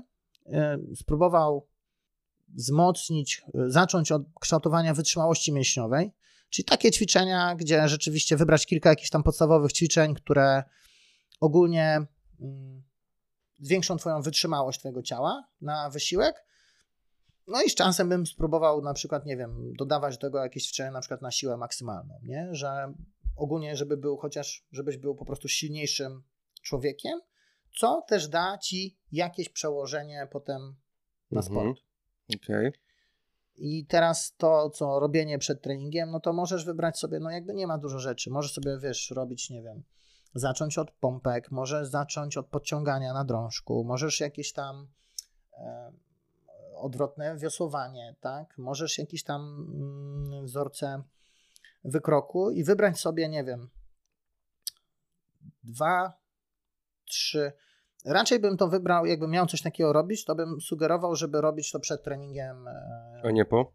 BJJ, no. Mhm. Znaczy, jeśli, jeśli, byłoby to kształt, jeśli byłoby to kształtowanie, jeśli, szliśmy, szli, jeśli szlibyśmy pod kątem kształtowania siły, że chcemy, żebyś był teraz troszeczkę silniejszy, mhm. to bym to zalecił przed treningiem. Mhm. Wybrałbym sobie najważniejsze jakieś tam, załóżmy, trzy ćwiczenia, które bym tam robił albo w formie obwodów, albo w jakiejś formie łączonej. Ale musisz mi dać jakąś pulę ćwiczeń do wyboru. Dobra. W sensie Masz wybrać drążek? sobie trzy ćwiczenia. Na sali mam drążek. No, no to y, zaczynasz sobie, nie wiem. Dobrze było, żeby była górna część ciała i coś na kor, nie? Że załóżmy robisz podciąganie i to jest przyciąganie, to jest wzorzec przyciągania dla kończyny górnej. Mhm. Robisz wzorzec wypychania dla kończyny górnej, czyli załóżmy, nie wiem, pompka, cokolwiek, wyciskanie kettlebellsami, e, wyciskanie na sztandze, jakieś pompki z utrudnieniem, pompki z obciążeniem, pompki na ringach. E, pompki. Załóżmy pompki. Okay. I załóżmy, robisz sobie z kettlebellsem albo z handlami, albo z ketlami, nie wiem, przysiad, albo mm, przysiad wykroczny. Mhm. Jest wiele wariantów, potem to można robić, wiesz, kształtu, na przykład można dodawać tego elementy mocy, dynamiki, czyli robisz jedną serię, załóżmy, ciężkich pompek i potem kilka takich z wybiciem, nie? Że tu już, kształtuje, tu już jest bardziej dochodzi kształtowanie też mocy.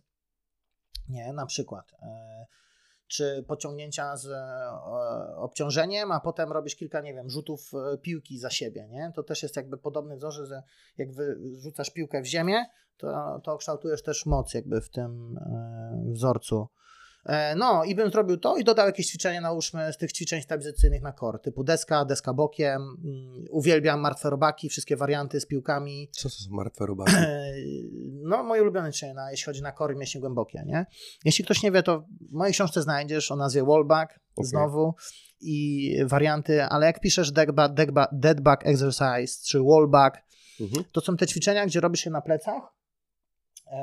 Musisz trzymać aktywny brzuch, czyli załóżmy, dajesz dłoń, ustawiasz pod lędźwiami albo mhm. taśmę mhm. i trzymając spięty brzuch, mhm. oddychając kontrolowanie, zaczynasz ruszać kończynami, czyli uginasz nogę w kolanie, mhm. e, lekko, potem wypuszczasz z wydechem i cały czas jakby uczysz się trzymać napięcia wokół tutaj gorsetu mięśniowego. No robaki, jeśli ktoś właśnie robił, no to martwe robaki to jest to, nie? To jest to okay. i u mnie, u mnie z moich podopiecznych, nieważne czy jesteś sportowcem zawodowym, czy jesteś tutaj zwykłą osobą, która przychodzi z ulicy, każdy robaki ma do perfekcji opanowane. Od okay. tego wychodzimy, nie? że to jakby pomaga nam. To nawet nie chodzi tyle o wzmocnienie tego brzucha, ale to chodzi też, to jest kwestia jakby aktywacji mięśni głębokich i, i koordynacji jakby tego naszego obszaru core z resztą ciała, nie? Że rzeczywiście to jest kluczowy obszar i powiem Ci, że widzę, że te osoby, które są najlepszymi atletami, mają najlepszą kontrolę nad tym korem. Mhm. Że jeśli ktoś przychodzi do mnie i no można nazwać go osobą, która nie ma zdolności sportowych czy talentu sportowego, ma bardzo słaby problem z trzymaniem mięśni brzucha. Mhm. Nie? Że to jest nasze takie jakbyśmy mogli nazwać takie mie- miejsce dowodzenia, jeśli chodzi o atletyzm naszego ciała, no to właśnie jest ten kor i, i tułów, nie? I robaki są świetne, dobrze wykonywane. Możecie u mnie bardzo dużo na, na, na moim YouTubie, na Zapytaj Trenera, bardzo dużo ich pokazywałem, nie? Że i one są takim czymś, które pomagają ci pokazać, jak ty masz poruszać się tak, żeby trzymać aktywny kor, jakby tu yy, i wykonywać różne ruchy kończynami górnymi, dolnymi i przy okazji prawidłowo oddychać przy tym. Mhm. Nie? Także integrują wiele bardzo ważnych rzeczy, które są istotne na początku. Dobra, czyli podsumuję to. Ja wiem, że ty y, jakby widzę, że aż po prostu z ciebie się wydaje, że chcesz to tak kompleksowo wszystko, ale no. ja to będę na maksa upraszczał, dawaj, jak dawaj. się tylko da. Czyli robię przed treningiem, a nie po treningu raczej. Ćwiczenia. Pod kątem siły tak. Jakbyś tak. Typowo pod kątem robię... takiej wytrzymałości mięśniowej mhm. możesz na koniec. Podciąganie, pompki, przysiady z obciążeniem i martwe robaki na stabilizację kręgosłupa, tak? Tak, tak. i tu wiadomo, że gramy tym, co mamy.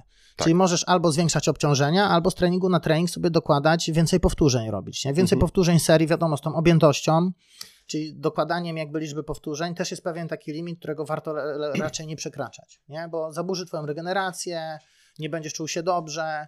Ja też zakładam, że tu już jednak jest taka świadomość, że jeżeli czuję, że mam potrzebę zwiększenia liczby tych ćwiczeń obciążenia, no to już muszę wejść na troszeczkę bardziej poważny poziom, tak. lepiej to przemyśleć, to, to nie, nie jestem w stanie tego robić na zasadzie przyjdę 20 minut wcześniej i zrobię trzy ćwiczenia, bo ja szukam na razie takiego, wiesz, ja też patrzę z punktu widzenia kogoś, kto jest wiesz, wielu lat na macie, okay. ja mam zbudowaną sprawność dzięki temu, że trenuję mhm. jiu-jitsu, E, więc e, tak jak właśnie zacząłeś, że no tutaj trzeba zbudować tą, tą bazę. Oczywiście nie mówię, że moja baza jest perfekcyjna, ale ja ją mam zbudowaną na, na, na tym sporcie i znaczy, to... coś na pewno, jesteś, jesteś, można powiedzieć, że osobą wysportowaną, nie? Że te zależności tak. ruchowe, wiesz, jakbyśmy zaczęli, jak mhm. się poruszasz, jakby na pewno, ale na pewno są, że jesteś, wiesz, w miarę wytrzymały, jesteś zdrowy, jakby i to są bardzo ważne rzeczy, nie? I to jest super, nie? Tak, i wiesz, i szukam czegoś po prostu, co mogę jeszcze dodatkowo zrobić, żeby pomóc sobie w treningu. Dobra, czyli to jest ten scenariusz, w którym jakby mamy czas tylko i wyłącznie wtedy. Teraz drugi scenariusz, kiedy jednak e, idziemy na tą siłownię, mamy multisporta powiedzmy, no. więc możemy sobie ten.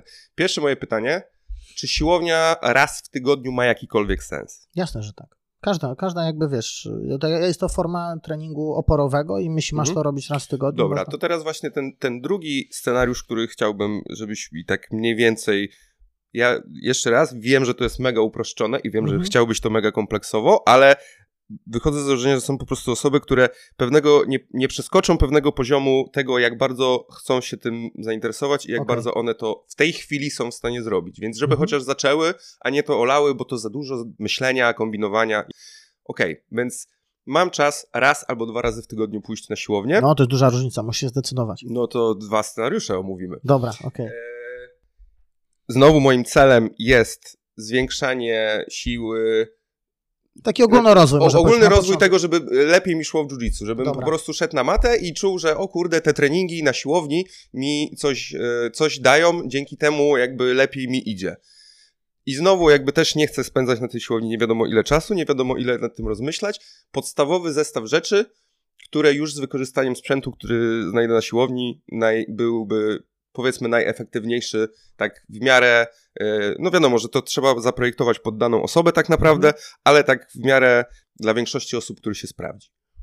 Mówię, to jest znowu tak, że im dalej w las, tym musisz być bardziej specjalistyczny, nie? Oczywiście. Że wiesz, mamy etapy, gdzie tam idziemy bardziej w kierunku siły, jakby mocy, wytrzymałości, ale na początek taki ogólnorozwojowy schemat e, byłby taki, gdzie ja bym przynajmniej próbował proponować, żeby przerobić jakby najważniejsze wzorce, wybrać, wybrać jedno czy dwa ćwiczenia takie typowo pod kątem kształtowania siły maksymalnej, a resztę bym robił pod kątem jakby poprawy wy, wy, wytrzymałości mięśniowej. Nie? Pytanie, czy jakby trzeba by to było zobaczyć, czy robimy jakieś dodatkowe elementy mm, jeszcze jakieś tam kondycyjne, nie? czy jakby kondycję zostawiamy tylko na... Mm, Dobra, e, jeszcze to może, może jeszcze uderzmy w tą stronę, że ja ci powiem, jak... E, ileś tam miesięcy temu miałem taki okres, że no. ćwiczyłem jiu-jitsu i regularnie ćwiczyłem na siłowni, że go nie robiłem za, za często w życiu, ale miałem pe, pe, pewne takie okresy, że chodziłem, chodziłem na siłkę. Robiłem taki trening, dwa razy w tygodniu robiłem trening y, w takim mm, trójbojowym mm, stylu. E, robiłem klatę na ławce, mhm. e, robiłem e, martwy, robiłem przysiad ze sztangą, robiłem podciągnięcia na drążku Mhm. I kończyłem to 12-minutowym biegiem na bieżni. Okej. Dwa razy w tygodniu. Mhm. Czy to był dobry trening? Czy do dupy? To nie był zły trening, na pewno. Wiesz, mówię, bo jest, jest tyle czynników jakby... Ja wiem, ja wiem, tyle- że i widzę jak ty bardzo chcesz, No, ale Jest tyle czynników zależnych, inaczej, że... jak, okej, ktoś, to- su- jak ktoś słucha, No, jeżeli to, to Znaczy, co tutaj nie wiem, mówimy... Zależy, za, dobra, inaczej. Zależy, co No. jest priorytetem, bo e, jeśli rzeczywiście chcesz wzmocnić siłę, to warto było, żebyś wtedy nie robił jakichś elementów kondycyjnych. Po. Mhm. Jeśli zależy na takim ogólnym wzmocnieniu ciała, jest coś takiego, jest coś takiego w skrócie, jak interference effect, czyli efekt zaburzenia. I teraz to jest tak, że e, bodziec, mamy z jednej strony bodziec siłowy, z drugiej strony bodziec wytrzymałościowy. I teraz jakby te bodźce, one mogą iść równolegle i ty możesz mieć efekty, jakby robiąc te rzeczy, mieszając, w szczególności jako osoba początkująca, ale, jako, e, ale generalnie optymalny by było, jakbyś to podzielił. Mhm. Nie? Czyli jeśli bardziej zależy na ogólnym wzmocnieniu ciała, biorąc pod uwagę, że ty masz wytrzymałość, robisz na macie, to ja bym ci zaproponował, żebyśmy, jeśli robisz jeden trening w tygodniu, żeby rzeczywiście skupić się na tym elemencie siłowym, Mhm. tak? I wtedy bym tego nie łączył. Ale jeśli, dlatego mówię, że też pytanie o te elementy kondycyjne, nie? Czy kondycję też to wrzucamy, czy... No nie, dobra, bo kondycję robimy Czy- na macie. Trenujemy dużo, trenujemy No.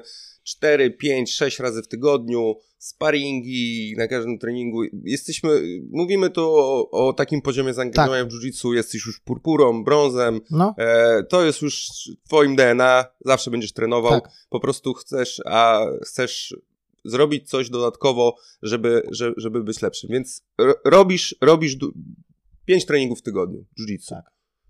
I masz ten raz, raz jeszcze w tygodniu, gdzie zmieścisz y, siłownię? Okej, to jest e, siedem najważniejszych wzorców ruchowych, takich siłowych.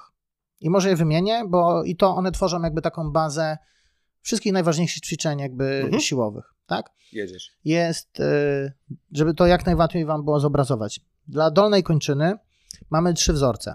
Mamy wzorzec przysiadu, czyli przysiad, tylko mówię, też nie, nie patrzcie na to jako ćwiczenie siłowe, tylko na ruch, który wykonujemy, nie? Bo jakby ćwiczeń, tych wzorców ruchowych jest miliony wariantów, po kilkaset możesz wybrać sobie, co chcesz, możesz robić, ale jest przysiad, jest wzorzec wykroku i jest wzorzec hip hinge, czyli tak, żeby to zobrazować, martwy ciąg. Mhm. Martwy ciąg, ale też to może być e, swing, to może być em, unoszenie bioder, czyli te hip trusty, jeśli Mhm. ktoś kojarzy. Wszędzie, gdzie, gdzie występuje wyprost stawie biodrowym. Mhm. Tym zamykamy kończynę dolną. Tak naprawdę, jeśli chodzi o najważniejszą bazę podstawowych ćwiczeń, dla kończyny górnej jest jeszcze łatwiej, bo mamy dwa wzorce, wypychanie i przyciąganie. I wypychanie na klatkę piersiową, czyli wszystkie ćwiczenia, właśnie tak jak wspomniałem wcześniej, e, klata na sztandze, klata handlami, pompki, jakby to jest jeden wzorzec, który trzeba zahaczyć. Mamy wypychanie w płaszczyźnie czołowej, czyli wszystkie warianty wyciskania nad głowę. Czy hantle, czy ketle, czy sztanga, jakby, czy pompki w staniu na rękach, to jest jeden i ten sam wzorzec. Mamy też, i mamy też, e, z drugiej strony mamy wzorce przyciągania dla kończyny górnej, czyli mamy y, różne warianty wiosłowania. Tak, przyciągania to może być odwrotne wiosłowanie na teryksie, może być wiosłowanie sztangą, może być wiosłowanie hantlami, może być wiosłowanie na wyciągu. No i mamy też przyciąganie y, w płaszczyźnie czołowej, czyli wszystkie warianty podciągania.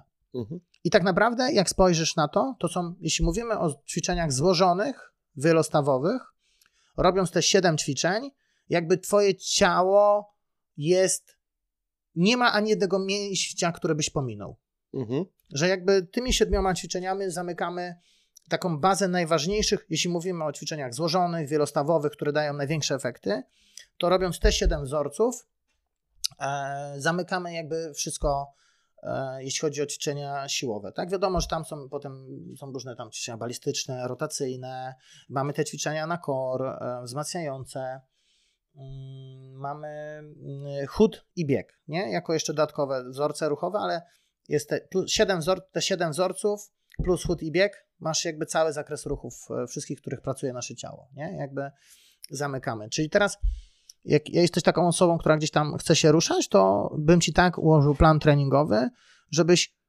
na jednym treningu zrobił te wszystkie 7 wzorców ruchowych. I wtedy mówimy o treningu FBW, czyli Full Body Workout. Mhm. Tak, że to jest taki trening FBW. I teraz mówię, w zależności od ciebie bym ci zaproponował, żebyś, nie wiem, Dwa pierwsze ćwiczenia jako, załóżmy, że kumasz ruch, nie? Że mówię, bo ja wchodzę głębiej też o trening medyczny. No jasne. Jeśli ty do mnie przyjdziesz, ty nigdy u mnie nie zaczniesz od podciągania, nie zaczniesz ode mnie od wyciskania na sztandze, bo jest wiele rzeczy, które musisz nauczyć się po drodze.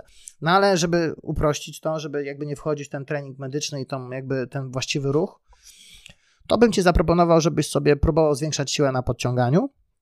Czyli bym zrobił coś dla kończyny górnej typowo pod siłę, czy załóżmy, nie wiem, jak się słabo podciągasz, no to 5 podciągnięć, 4 serie po 5 podciągnięć, to już będzie twoja siła bez żadnego ciężaru, tak? No ale jeśli już robisz po 10-15 podciągnięć pod chwytem, no to warto może wtedy dołożyć jakiś ciężar i robisz to w protokole bardziej siłowym, 4-5 powtórzeń i bym ci coś zaproponował dla kończyny dolnej, nie? Albo przysiad, albo mm, martwy ciąg, jeśli dobrze robisz technicznie i masz 100% mhm. pewności, bo to no, są ćwiczenia tak, bardzo tak, kontuzjogenne tak, i tak, tak, mało osób je dobrze robi, nie? Dlatego Jakbyś był wyszkolony przeze mnie, to bym ci pozwolił. To bym ci powiedział, że ok, robisz przysiady sobie też w jakimś albo martwy ciąg, na trapbarze najlepiej, e, w takim protokole, żeby delikatnie zwiększać siłę, nie? czyli na niskich powtórzeniach stopniowo zwiększanie ciężaru, pod warunkiem, że robisz dobrze technicznie.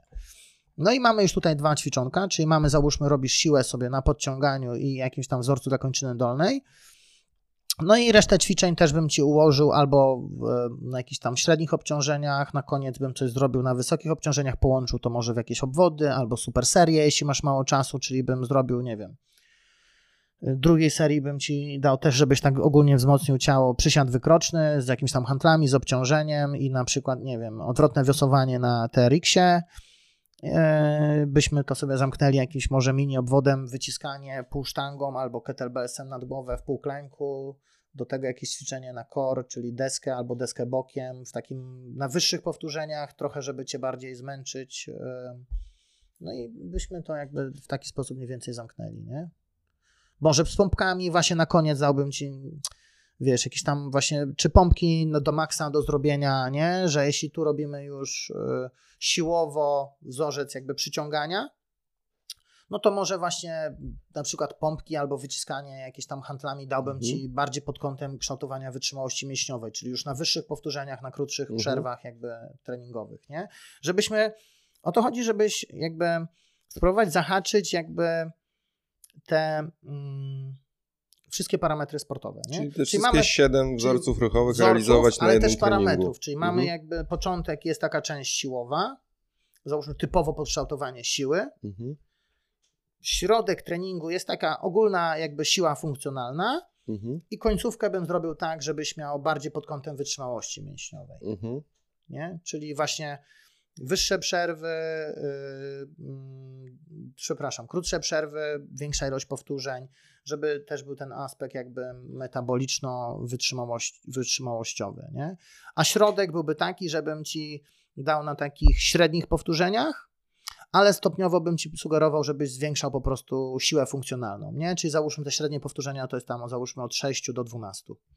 I mówię, że ok, stopniowo sobie tam dodawaj jakby siłę też na tym, nie? Mhm. Że robisz, jesteś w tym zakresie powtórzeń, ale zwiększaj ciężary. Jeżeli ty mówisz ten początek, środek i koniec na treningu. zasadzie e, tego jednego treningu, jednej tak, tak jednostki tak, tak. To tak jakbyś rozprawkę pisał. Ja, okay. tak, ja tak patrzę. Okej, okay, ja... ale, ale to jak, skąd wiemy, które wzorce ruchowe, do której powinny należeć części? Tak, teoretycznie wiemy. Jest kilka podstawowych mm, i te najcięższe powinny być na początku. Zawsze tak dobieramy ćwiczenia, że to, co jest najbardziej wymagające no. pod względem jakby technicznym yy, i jakby wymaga naszej dużej energii, powinno dawać się na początku.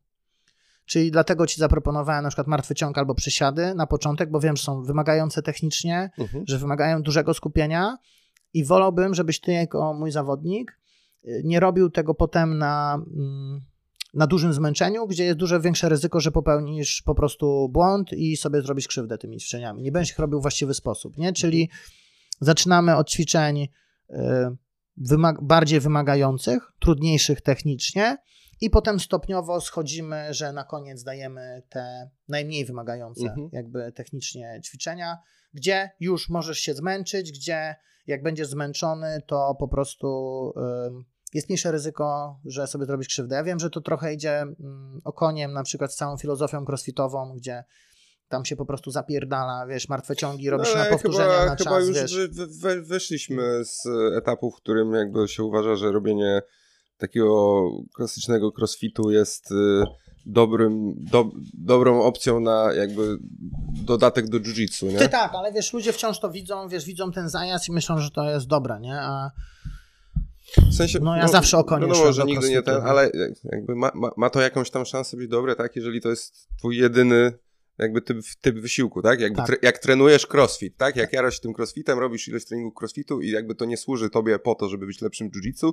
I tak oczywiście to ja mam kolegę, który nie może trenować jiu-jitsu, mimo że tam był na kilku treningach i bardzo mu się podobało przez crossfit i, i przez problemy i Ola Przytulska go tam regularnie e, gniecie i, i, i tak jakby, no i tak dzięki temu może trenować na siłowni, ale, ale boi się przyjść na jiu-jitsu, mimo że bardzo mu się podobało, bo po prostu za, sam mówi, głupio trenowałem, za mocno, wszystko jakby brałem i, i, i teraz mam konsekwencje, także... No to jest to niestety, że tak jak powiedziałem, że nie, że wysokie ciężary, wysokie powtórzenia, duże zmęczenie. E, jeśli ktoś jeszcze, ktoś nie ma takiej świadomości, wiesz, ruchowej, że ja na przykład od razu, ja to tak, wiesz, no, ja to się tak czuję jak w Matrixie, nie? jak wchodzę na siłkę, że już po prostu widzę, nie? że ktoś tam nie spina brzucha, ktoś tam te koślawi stopy, wiesz, komuś kolana uciekają, ktoś e, podwija odcinek lędźwiowy kręgosłupa, ktoś tam podnosi właśnie z pleców, nie? że ktoś tam nie umie aktywować łopatki, jakby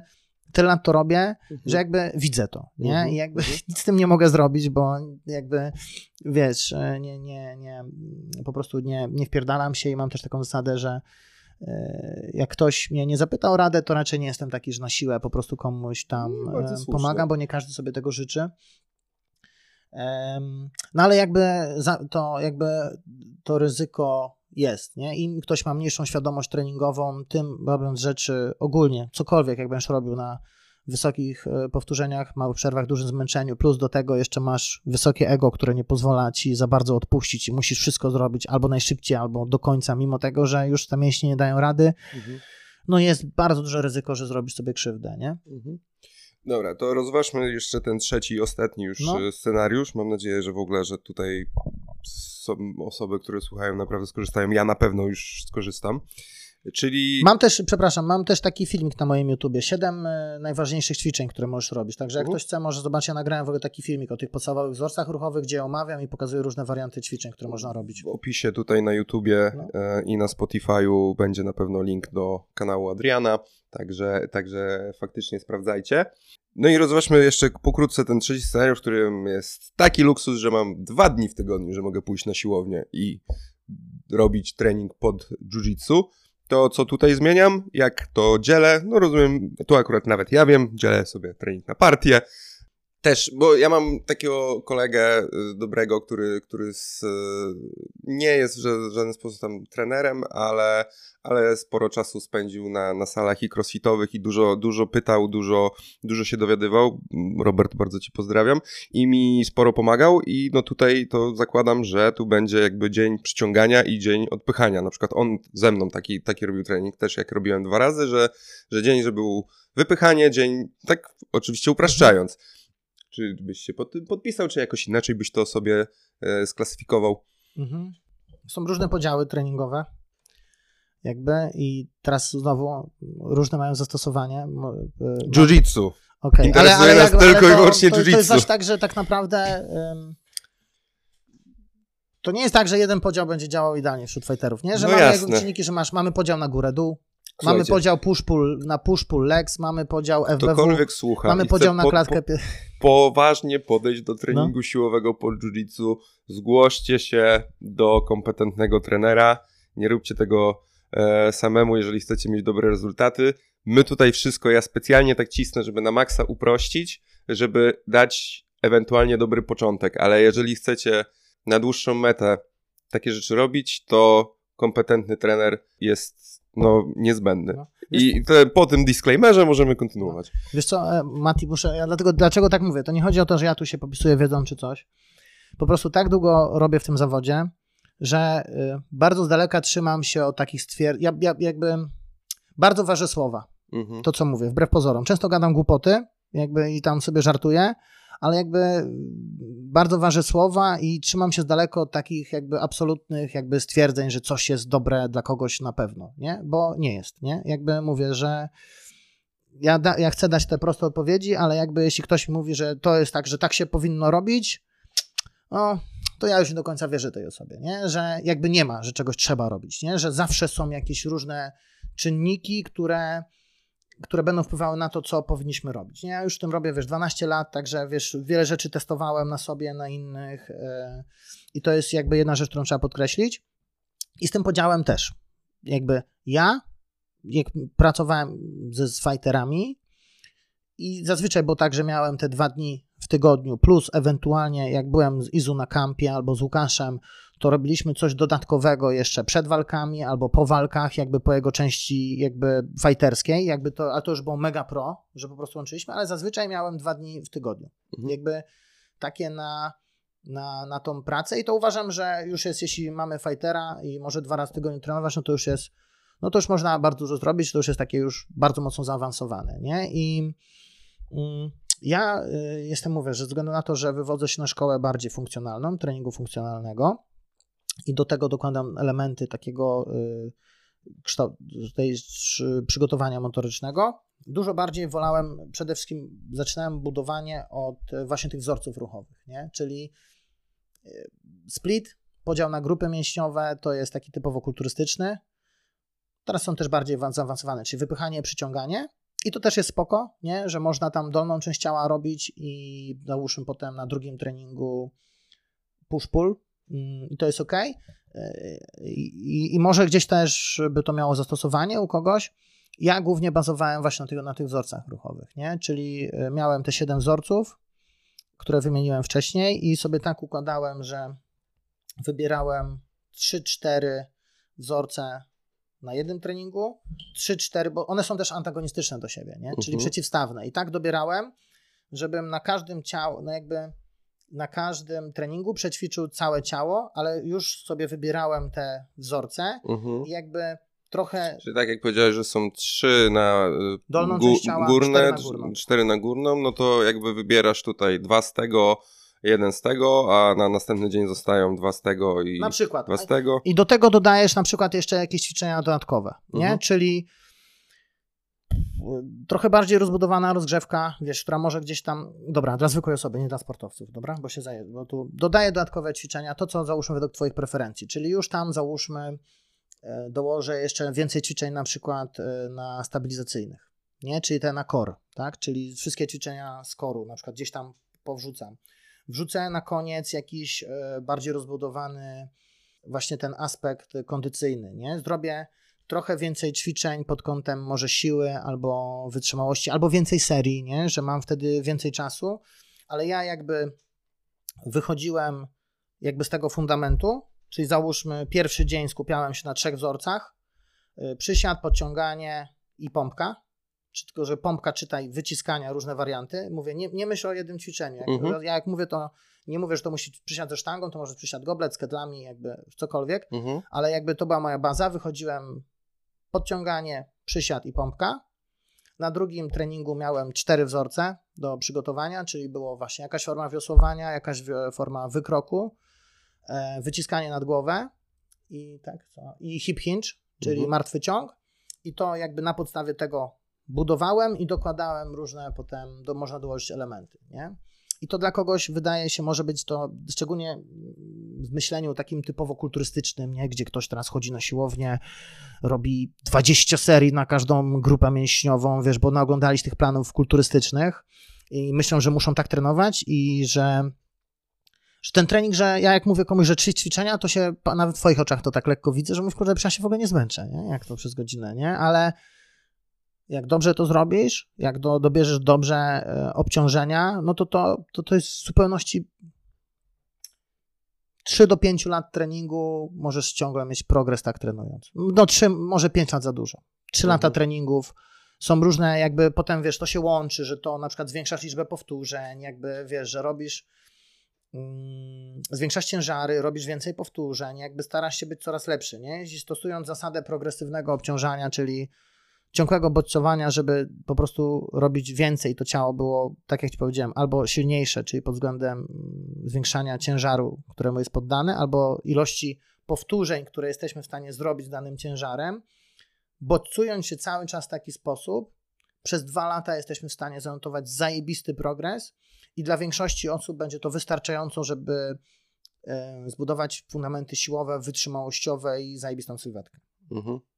Wcale nie trzeba się zajeżdżać i robić tam 100 tysięcy tych ćwiczeń izolowanych, e, żeby, żeby, żeby, żeby to był dobry trening, nie? efektywny. Tylko trzeba się trochę przestawić z takiego myślenia. Nie? No i elegancko, dobra. Mam nadzieję, że, że, że to wszystko, co tutaj teraz padło, to jest, będzie fajną bazą dla osób, które, które chciałyby sobie pomóc w jiu-jitsu, ale no jakoś też tak jak, tak jak i mi, jakoś ta wiedza dotycząca treningu siłowego się ich nie trzyma. Oczywiście, tak jak mówiliśmy, no to nie jest wszystko Patrz, ja wam, dobra, dam, to. Da, dam, ale... dam ci coś, dam wam coś, moją mhm. ulubioną metodę treningową, to się mhm. nazywa, gdzieś tam spotkałem to kiedyś, Mm, dla takich osób amatorskich, że jak już są na jakimś wyższym poziomie, to się nazywa High Intensity Functional Training. I e, na podstawie tego planu A wam na przykład sprzedam ci, żebyś mógł sobie pójść na trening i spróbować to zrobić i po 30 minutach będziesz miał już dosyć treningu. Mogę mhm. ci obiecać. Mhm. Robisz, e, wybierasz, e, załóżmy na ten, nie wiem, pierwszy dzień te, masz te, ok, robisz rozgrzewkę i masz trzy główne ćwiczenia.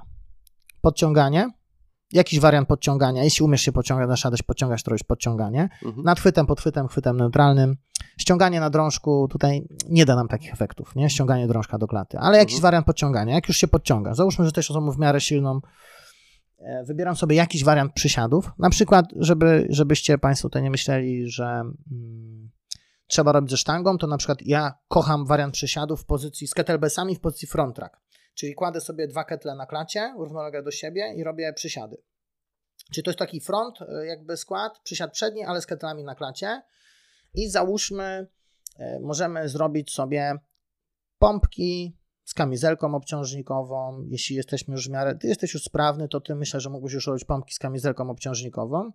Masz te trzy ćwiczenia i załóżmy, masz takie za zadanie, żeby z każdym z tych ćwiczeń zrobić przy dobrze odobranym ciężarze, tak? To jest taki ciężar, który się będzie bodźcował. 30 powtórzeń w 25 minut.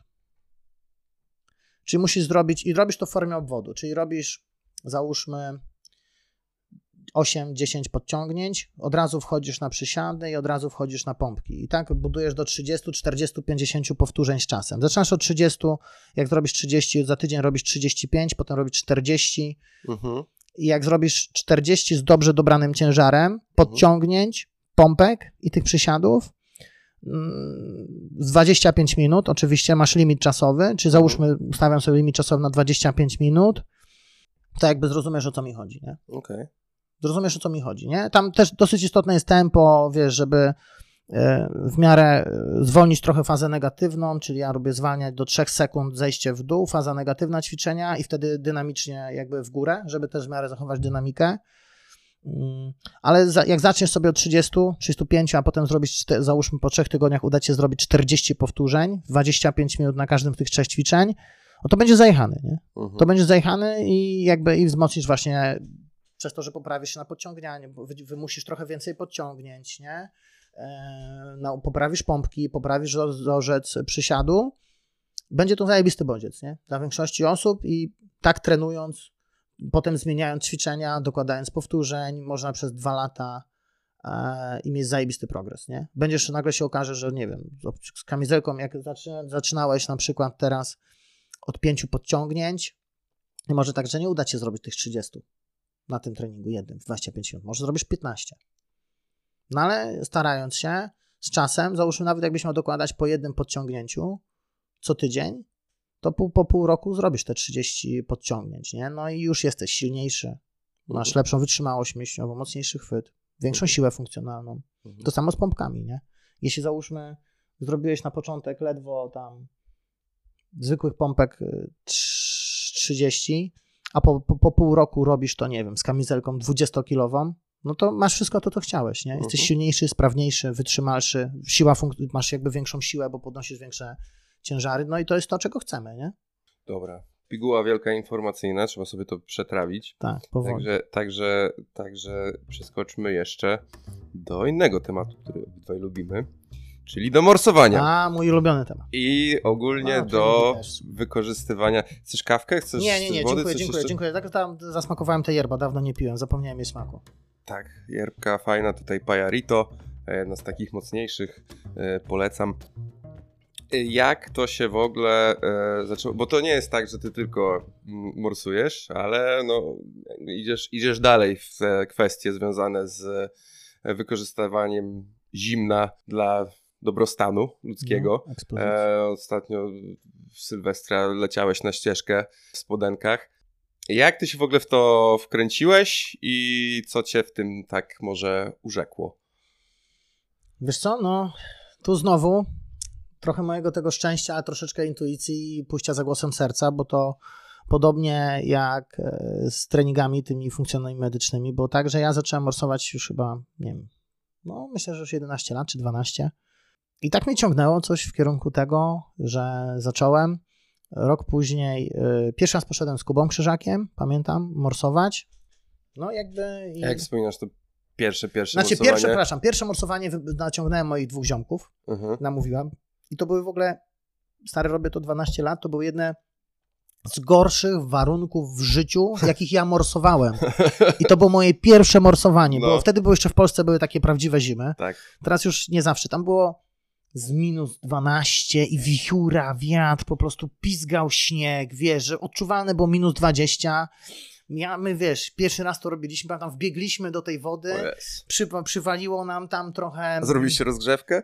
Tam coś, może Tam delikatnie coś, się no. rozgrzewaliśmy, wiesz, przywaliło, pizgało, po prostu jesteśmy kilka razy, wiesz, falą po jajkach, Aha. wiesz, tam piszczeliśmy, no i potem każdy tam dosyć długo dochodził do siebie, no duże emocje, pamiętam duże emocje, rzeczywiście, ale jakby coś poczułem, że mnie ciągnie jakby w tym kierunku i e, potem może jeszcze nieregularnie właśnie sobie, e, bo no moi kumple niestety już nie chcieli po tym razie ze mną tego robić, Mhm. nie, nie znalazłem więcej chętnych, które, chciało, które chciałoby to robić. bo Przypominam, że to było 12 lat temu. Wtedy jeszcze to morsowanie nie było tak popularne. Mm, No i kilka razy pamiętam, że poszedłem wtedy tam. Kuba Krzyżak robił w Gdyni morsowania, z nim do, do niego tam jechałem, do tej jego grupy. E, I gdzieś tam podjąłem rok później, podjąłem decyzję, że będę robił to w Gdańsku. I że wiesz, to już było tak, że ja już pracowałem jako trener, e, wiesz, miałem tam jakiś fanpage, no i po prostu sobie tam no nie wiem, założyłem grupę, po prostu proponowałem ludziom, wiesz, namawiałem ludzi, żeby robili to ze mną. No i tak y, zaczęło się, że były trzy osoby ze mną, cztery, wiesz, coraz więcej osób do tego namawiałem, przez lata chodziłem, trułem dupę, wiesz, na forficie już jak sezon zimowy się zbliżał, to po prostu wszyscy mieli mnie dosyć, bo gadałem, gadałem, gadałem e, tylko o, o, o morsowaniu. No ale jest, to jest, kurde, kapitalna sprawa, nie? Że mówię, tak się ta grupa potem rozwinęła. e, No tak, to jest no. największa grupa na Pomorzu. Tak, tak, tak. Ile y, osób tak mniej więcej rekordowo było? 140 około. O, Ciężko potem zliczyć, bo potem wiesz, na, No zdję- tak. na zdjęciu naliczyłem około 140 osób. Podejrzewam, że jeszcze wiele osób nie było na zdjęciu, ale było takie dwa albo y, dwa albo trzy lata temu, jak był taki największy boom, była kwarantanna. Tak. No byłem, powiem ci, lekko się bałem, że mnie zamkną wtedy, bo jak zobaczyłem tą grupę ludzi, było już takie, no to były wspaniałe warunki, nie? przepiękna, pamiętam moja wymarzona pogoda, bo brakuje mi tego bardzo takich zim u nas w Polsce, gdzie jest duży mróz, jest tak zimno kontynentalnie, ale jest też y, piękny, słoneczny dzień. Tak. I wyobraź sobie, że to było moje marzenie, że to jest takie moje wspomnienie w ogóle zimy z dzieciństwa, gdzie właśnie ja wychodzę, jest ładnie słońce świeci, jest tak zimno, ja taki opatulony, wiesz, jak ten e, ludzik Michelin. I wyobraź sobie, że ja nie wiem, trochę taka energia ludzi przyciągnęła, że była taka pogoda. Trafiła się pierwszy raz od kiedy morsowałem po właśnie kilku latach. Była niedziela, było z minus 7 stopni, było tak fajnie mroźno, piękne, pełne słońce, świeciło. No i jakby zlazło się tam wtedy ze 140 osób. To był taki absolutny, nie dość, że był rekord pod względem frekwencji, Mhm. to była najpiękniejsza pogoda, jaka mi się do tej pory trafiła w, w czasie tej przygody z morsowaniem, nie? E, No dobra, ale a kiedy poszedłeś krok dalej, jeśli chodzi o, e, nie wiem, czy to można nazwać krioterapią, Ekspozycja na zimno. Ekspozycja Trening na ekspozycji zimno, na zimno, okej. teraz się o tym mówi, nie? bo morsowanie to tak jak sam powiedziałeś, się zrobiło popularne. Jak, Tak. jak, dla wielu osób ciągle to jest niewyobrażalne, jak można do takiej zimnej wody wejść, ale, ale no, dużo osób morsuje, no nikt mi to już ta, aż takiego wrażenia nie robi. Nie, nie, Natomiast się. Natomiast y, nie morsowanie pod wodospadem, to też uskuteczniasz, albo właśnie wchodzenie na śnieżkę w, na gaciach, no to już jest zdecydowanie krok dalej y, i, i wymaga też dużo większego przygotowania, e, no bo morsować może w sumie każdy, kto ma zdrowe serce. Tak, ma zdrowe serce. Nie ma problemu z krążeniem. Tak, tak. Zrobić rozgrzewkę, trochę, trochę pobiegać, trochę poskakać, wejść dwa razy do tej wody, szybko się ubrać i jest super, tak? No, natomiast, no, żeby wejść na śnieżkę przez ileś godzin, iść e, właśnie w takiej ekspozycji na zimno, to już trzeba wiedzieć więcej i umieć więcej. Zresztą no, mieliśmy w zeszłym czy dwa lata temu przypadki, przecież była ta laska, która poszła właśnie na, na śnieżkę w rozebrana. Na i, Tak? Mhm. To nie no była śnieżka akurat. hipotermii dostała, koledzy ją zostawili i w ogóle była afera, nie? Wiesz co, tam... Um, muszę trochę to wyjaśnić, to co powiedziałeś na końcu. Tak? E, bo akurat znam te, słyszałem o tych dwóch przypadkach i teraz wszyscy się trochę taki zrobił czarny PR, że wszyscy, którzy jak słyszą o tym, że idę na Śnieżkę, na klacie, teraz już nieraz się z tym spotkałem, no, że tam tyle ludzi, potem zdejmują, wariaci. No tak, tak. E, tak naprawdę przez te, robi to, to nie jest tak, że ja jestem jedyny, robi to w Polsce mhm. na Śnieżkę, na klacie, Myślę, że tysiące osób w sezonie zimowym. Tysiące? Myślę, że tysiące. Nie setki? Y, tysiące spokojnie. Myślę, że jednego dnia, jakbyś poszedł na śnieżkę, to znajdziesz przy ładnej pogodzie kilkanaście osób, które będzie robiło, plus są duże grupy e, innych osób, które też to, też to robią i zabierają sama setki osób, mhm. które w ciągu sezonu zabierze i robią to jakby regularnie. Żeby oddać temu sprawiedliwość, były rzeczywiście chyba dwa, maksymalnie trzy przypadki, które były odnotowane przez media od razu i nic więcej się nie wydarzyło. Jedno to była pani, która rzeczywiście, i to chyba ona nawet nie szła na śnieżkę, ona mm, po prostu to była jakaś średnica prawdopodobnie, jakieś tam okolice tego z grupą ludzi i doszło do czegoś takiego, że jej zamarzły rzeczy w plecaku. Takie się plecy spociły, miała jakiś taki cienki plecak i ona była całkiem dobrze przygotowana ale rzeczywiście tam bardzo szybko zrobiło się zimno i od tego potu na plecach zamarzły jej y, rzeczy w plecaku, że nie, miała, nie była w stanie ich założyć, były po prostu mokre i, mhm. i zimne i tam chyba, ja nie wiem, czy koledzy ją opuścili, chyba po prostu nie byli w stanie jej, jakby im też było dosyć zimno, bo nie mieli pewnie zbyt wiele rzeczy zapasowych, nie byli może optymalnie przygotowani pod tym względem, ale wezwali TOPR i chyba jej pomogli, a drugi był przypadek, to był, który nawet dzwoniłem do Michała Materli i się pytałem, no to był jakiś tam facet, którego ściągali ze śnieżki, bo było mu zimno i, ten, i tam ten, który zajebał im potem kurtkę ratownikom i o tym też...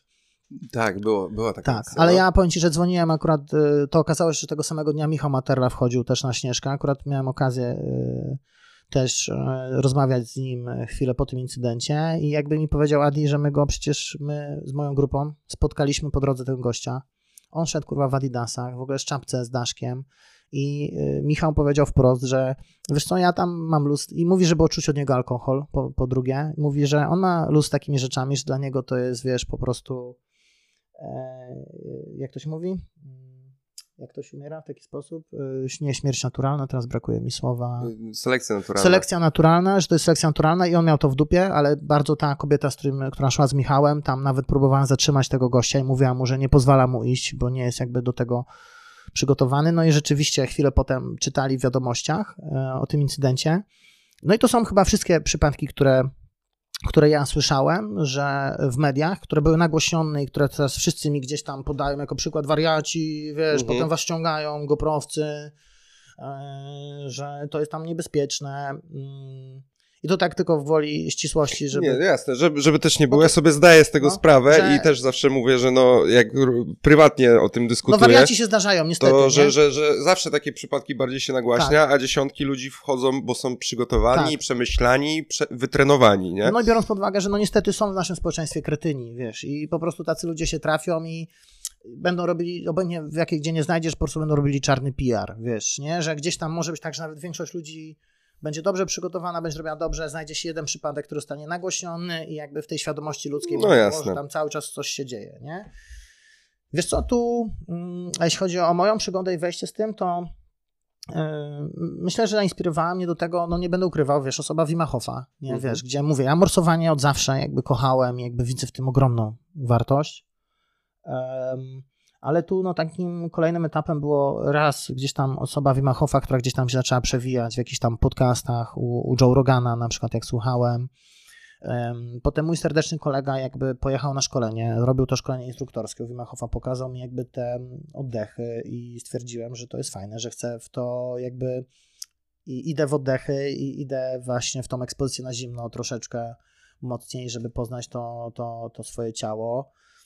No i, i naprawdę jest to, jest to spoko, nie? Jakby mówię, te spacery na zimno, to na, na krótko, to rzeczywiście jest taki bardziej, ja to traktuję jako aspekt treningu mentalnego, mhm. przełamania pewnych barier i jakby dla ludzi, którzy w takich normalnych społeczeństwach, jak teraz moim na kampie, ja robię tak, że my, jak jesteśmy na obozie zimowym, żebyś wiedział, jak to się odbywa, mówię, słuchajcie, ktoś chce spróbować, nie musicie, weźcie chociaż 20 minut, wyjdźcie na krótko.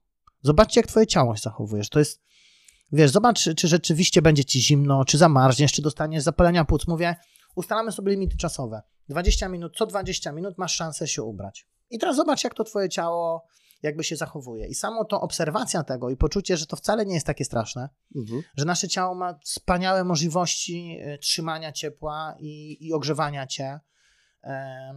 W pewnym momencie to jest tak, że to ciało się staje trochę takim pancerzem. Ja mam takie, ja już mam ten moment, jakby, tylko mówię, że jakby stopniowo sprawdzałem tą moją granicę, jak to ciało się w tym zachowuje że to jest niesamowite, jak w pewnym momencie masz wrażenie, że jesteś taki, jak już tam idziesz 30-40 minut i dłużej w takim lekkim mrozie, że to jakby zamykają się pory, nie? I to ciało jest takie, takie zamknięte, nie? Masz że wrażenie, że właśnie trzyma ciepło i jakby jest w tym stanie takiego samego samoogrzewania i trzymania ciepła. No to jest niesamowite, już nie mówię, że potem włączają się tam wiesz, te wszystkie mechanizmy przetrwania, yy, skacze ci adrenalina, dopamina. No ja teraz jak szedłem w Sylwestra, to w pewnym momencie był, jakbym był naćpany, nie? Taki mhm. high złapałem, to jest przepiękne uczucie. Jeśli mówimy o uczuciu flow, to takie ekstremalne rzeczy są mm, najlepszym skrótem do tego, nie? Że ja to, ja dwa razy miałem taki flow właśnie w czasie spacerów na krótko. Pierwszy raz, jak tam e, robiłem pierwszy kamp i szliśmy taką trasą odrodzenie, i teraz właśnie, e, jak szedłem w Sylwestra, że no to jest, to jest takie uczucie, które właśnie tylko może znają właśnie coś sportowcy, wiesz, tych ekstremalnych dziedzin, nie? że jak łapiesz to flow, masz taką euforię, jesteś tu i teraz, nie liczy się nic innego, mhm. wyostrzone zmysły, wiesz, jakby wszystkie problemy znikają, nie, że łapie cię taka ekscytacja. No ja teraz trochę przegiąłem, nie, bo w Sylwestra rzeczywiście było tak, że mówię, ja Taka wietrzna pogoda była, prawda? 120 na godzinę wiatr. O Jezu, to mało powiedziałem. Tam na Śnieżce pogoda. i było tak, że jakby nie... Poz... Ja... Grupa była rozsądna, ubrali się, chwilę poszli, ubrali się, a ja w pewnym momencie poczułem taki flow, mówię, kurde, ten... I mówię, że w każdym momencie byłem gotowy się ubrać, jakby to jest bardzo ważne, trzeba dać sobie pozwolenie na to, jak się robi takie rzeczy, że możesz nie dojść do celu, nie? Mhm. I trzeba, dlatego trzeba robić, trenować to, wiedzieć, gdzie jest ta granica, bo jak przekroczysz pewną granicę, już potem sam się nie ubierzesz i to ciało już nie dojdzie, nie? Jakby do siebie. Ja dwa razy miałem możliwość już być w tym miejscu, wiesz, i przetestować to, gdzie jest moja bezpieczna granica, że ja mogę iść, a gdzie po prostu może być mi potem ciężko samemu. No ale mówię ci, no złapałem, doszliśmy tam do tego domu śląskiego w Sylwestra, ja czułem się taki na haj, mówię, nie, no muszę tak podsumować rok, nie? Chcę iść, ten wiatr jest przerażający, bo tam jak huknął, to po prostu ja od razu musiałem, wiesz, do łańcuchów no, no, no. się łapać, tak. ale mówię, ale wiesz, patrzę, co się dzieje w ciele, mówię, jakby wcale nie jest mi zimno, ten wiatr, okej, okay, głowa zaczyna wariować i cię ostrzegać, że tak jakby ci taki, wiesz, kogut po prostu czerwony się palił w głowie mhm. i tam po prostu jo, jo, jo, uważaj, uważaj, wiesz, nie rób tego, nie rób tego, ale jak przejdziesz potem przez to i mówisz, kurde, ja się czuję dobrze, nie jest mi wcale zimno. Ta moja granica chłodu jest jeszcze dużo dalej. Wiem, że zostało mi około 20 minut szybkim krokiem na śnieżkę. Zrobię to spokojnie, nie? I szedłem, w każdym momencie byłem gotowy, ale mówię, przez to flow, mówię po prostu, no nie zabiorę sobie tego, nie? Że to mhm. jest, jak ktoś to przeżyje i poczuje ten taki high właśnie, e, e, bo właśnie to, no to to są takie wrażenia nie do, nie do, zapomnienia, nie do zapomnienia, nie? Tym bardziej, że, no wiesz, ja też pracuję nad sobą dużo i Miałem kiedyś taki moment w życiu, gdzie sobie wypisywałem dla mnie, jakie są ważne wartości, i sobie uświadomiłem, że był taki okres, gdzie y, ja byłem znudzony, że nie robiłem rzeczy, które sprawiają mi radość. Nie, że było to takie, mm, że okej, okay, tam fajnie, tu pracuję, robię treningi, y, wyjdę sobie ze znajomymi do restauracji, coś tam porobię, ale jakby uświadomiłem sobie, że brakuje mi takiej dziecięcej radości frajdy, wiesz, coś takiego, co mnie właśnie podekscytuje, że da mi takiego, takiego kopa energetycznego. I miałem takie dwa lata, gdzie mi tego brakowało i wypisałem sobie, że to, co mi daje właśnie mm, te uczucia, czyli zabawa, ekscytacja, to są jakieś właśnie takie wyzwania, to są takie rzeczy, których ja muszę się postarać, coś zrobić i jakby, jakby też pielęgnuję to, żeby czasami czuć to w sobie, nie? żeby poczuć właśnie tą ekscytację, jest ta nutka takiego, takiego lekkiego strachu, wiesz, gdzie, gdzie musisz coś pokonać, nie? I dla mnie było to ważne, nie? że jakby chcę to też czuć w życiu, że nie chcę jakby pozbawiać się, że uczucie ekscytacji i takiej zabawy, niekoniecznie zabawa, impreza, najebka, wiesz, weekend, dyskoteka, sopo, tylko taka zabawa właśnie typu robienie czegoś z ludźmi fajnego, pokonywania jakichś barier, to są rzeczy, które dla mnie są zabawą i które mnie ekscytują, nie? No kurde, teraz tak, tak żeś opowiadał, że trochę się nakręciłem, nie? No to jest stary zajebiste, nie? No to może kiedyś spróbuję też, może, może też pojadę. E, a na razie jeszcze głowy nie zanurzyłem, więc... Wszystko przed tobą. może, może za tydzień.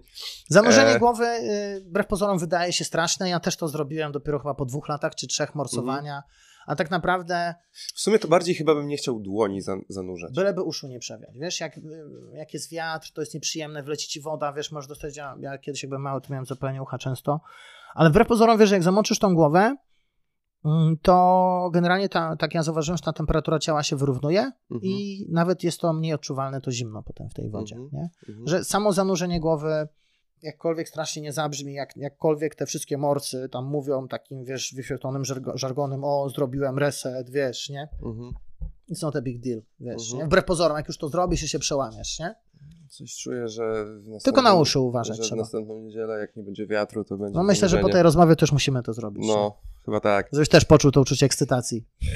Słuchaj, mam takie pytanie, które zadaję wszystkim gościom, ale lekko je zmodyfikuję na twoje no, potrzeby. Dawaj. Jeżeli mógłbyś przeprowadzić trening personalny z dowolną osobą na świecie, którą po prostu lubisz i chciałbyś spędzić z nią godzinę czy półtorej na sali i dzielić się z nią swoją wiedzą i sobie pogadać przy okazji, to z kim byś chciał przeprowadzić taki trening? Dowolna osoba na świecie może być aktor, piosenkarz, mm kto chcesz. Piosenkarka, aktorka. Okej, okay, okej, okay, okej. Okay. No myślę, że tam wiele ładnych dziewczyn bym sobie wybrał. E, może nie wiem, czy niekoniecznie trening, ale wiesz co, no ciężko mi jedną osobę wybrać. Wiem, że ciężko, no. ale jakby możesz ja jestem rzucić ogrom... więcej niż jedną. Chodzi też o pierwszą myśl. No to pierwsza myśl, no to wiem, kto przyszedł, to naprawdę osoba, która taka w świecie internetu e, wypłynęła w ostatnim czasie i której książka miała na przykład ogromny na mnie wpływ. E, bardzo wiele rzeczy znalazłem odpowiedzi, których szukałem wcześniej w innych książkach, które mi dały. To jest, nie wiem, niektórzy z was może kojarzą, Jordan Peterson. No i on e, jest dla mnie takim trochę autorytetem, trochę taką osobą, którą bardzo dużo studiowałem, jakby w sensie mm, bardzo mocno interesowałem się tym, co ma do powiedzenia, tym jak mhm. myśli. E, I ta książka 12 życiowych zasad przeczytałem ją dwa razy, mam podkreślane wiele mhm. rzeczy. A... Miał bardzo, jakby rzeczywiście to jest taka, miał bardzo duży wpływ na, myślę, że na moje życie i jakby podejmowane decyzje i kierunek jakby mhm. A nie zauważyłeś w ostatnim czasie pewnej zmiany u Petersona na gorsze? Możliwe, możliwe. Wiesz, jest inny po tej, na pewno jest inny po tej chorobie lekko mhm. i wiesz, po tym jak zniknął, nie? Że mhm.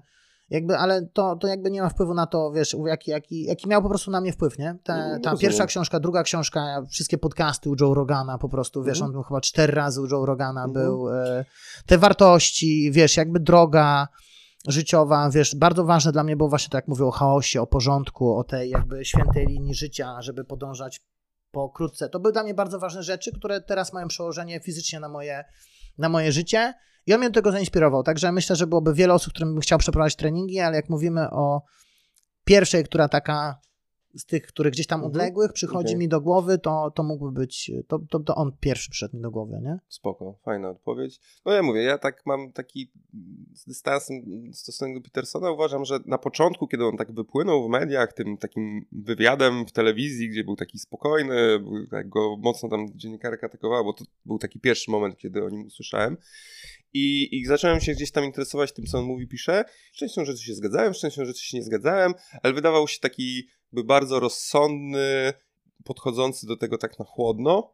A w ostatnim czasie, jak śledzę, to mam wrażenie, że gdzieś tam stał się troszeczkę jednak bardziej taki ideologiczny, w stronę, w którą nie do końca się z nim zgadzam. Mhm. I jakby trudniej, trudniej mi gdzieś się znaczy no identyfikować to nie, bo w ogóle się nie, nie, nie mogę powiedzieć, że się kiedykolwiek z nim identyfikowałem, ale jakoś tak e, troszkę, troszkę odbił w taką stronę, która mi się mniej podoba, natomiast na pewno jest osobą, która no, potrafi dyskutować i, i, i no, robić to na jakimś poziomie kultury, który, który mi by odpowiadał.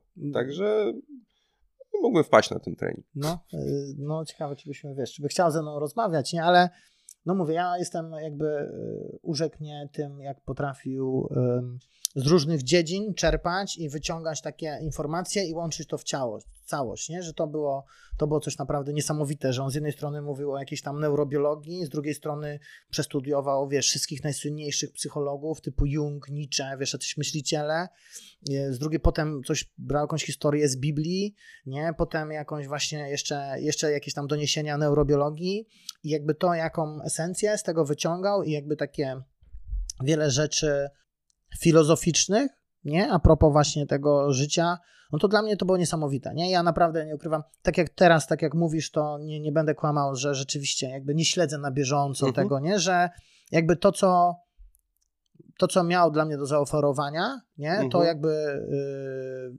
wziąłem te rzeczy, jakby, które pisał w książkach i to, co jakby chciałem wziąć, ale też nie mam tak, że jakoś tam na bieżąco teraz śledzę, oglądam jego wszystkie wywiady, to, to, to nie jest tak, nie? Ale jakby te rzeczy, które gdzieś tam wcześniej wypłynęły, które chciałem się od niego nauczyć i o których mówił, no kilka rzeczy, naprawdę to były dla mnie e, game changery, nie? Super. No dobrze, to y, dwie godziny nam wybiły, o! ale mam jeszcze jedno bardzo ważne pytanie. Kiedy wpadasz na sparingi? E, a gdzie? No do nas, do złomiarza. A, do złomiarza. E, wiesz co?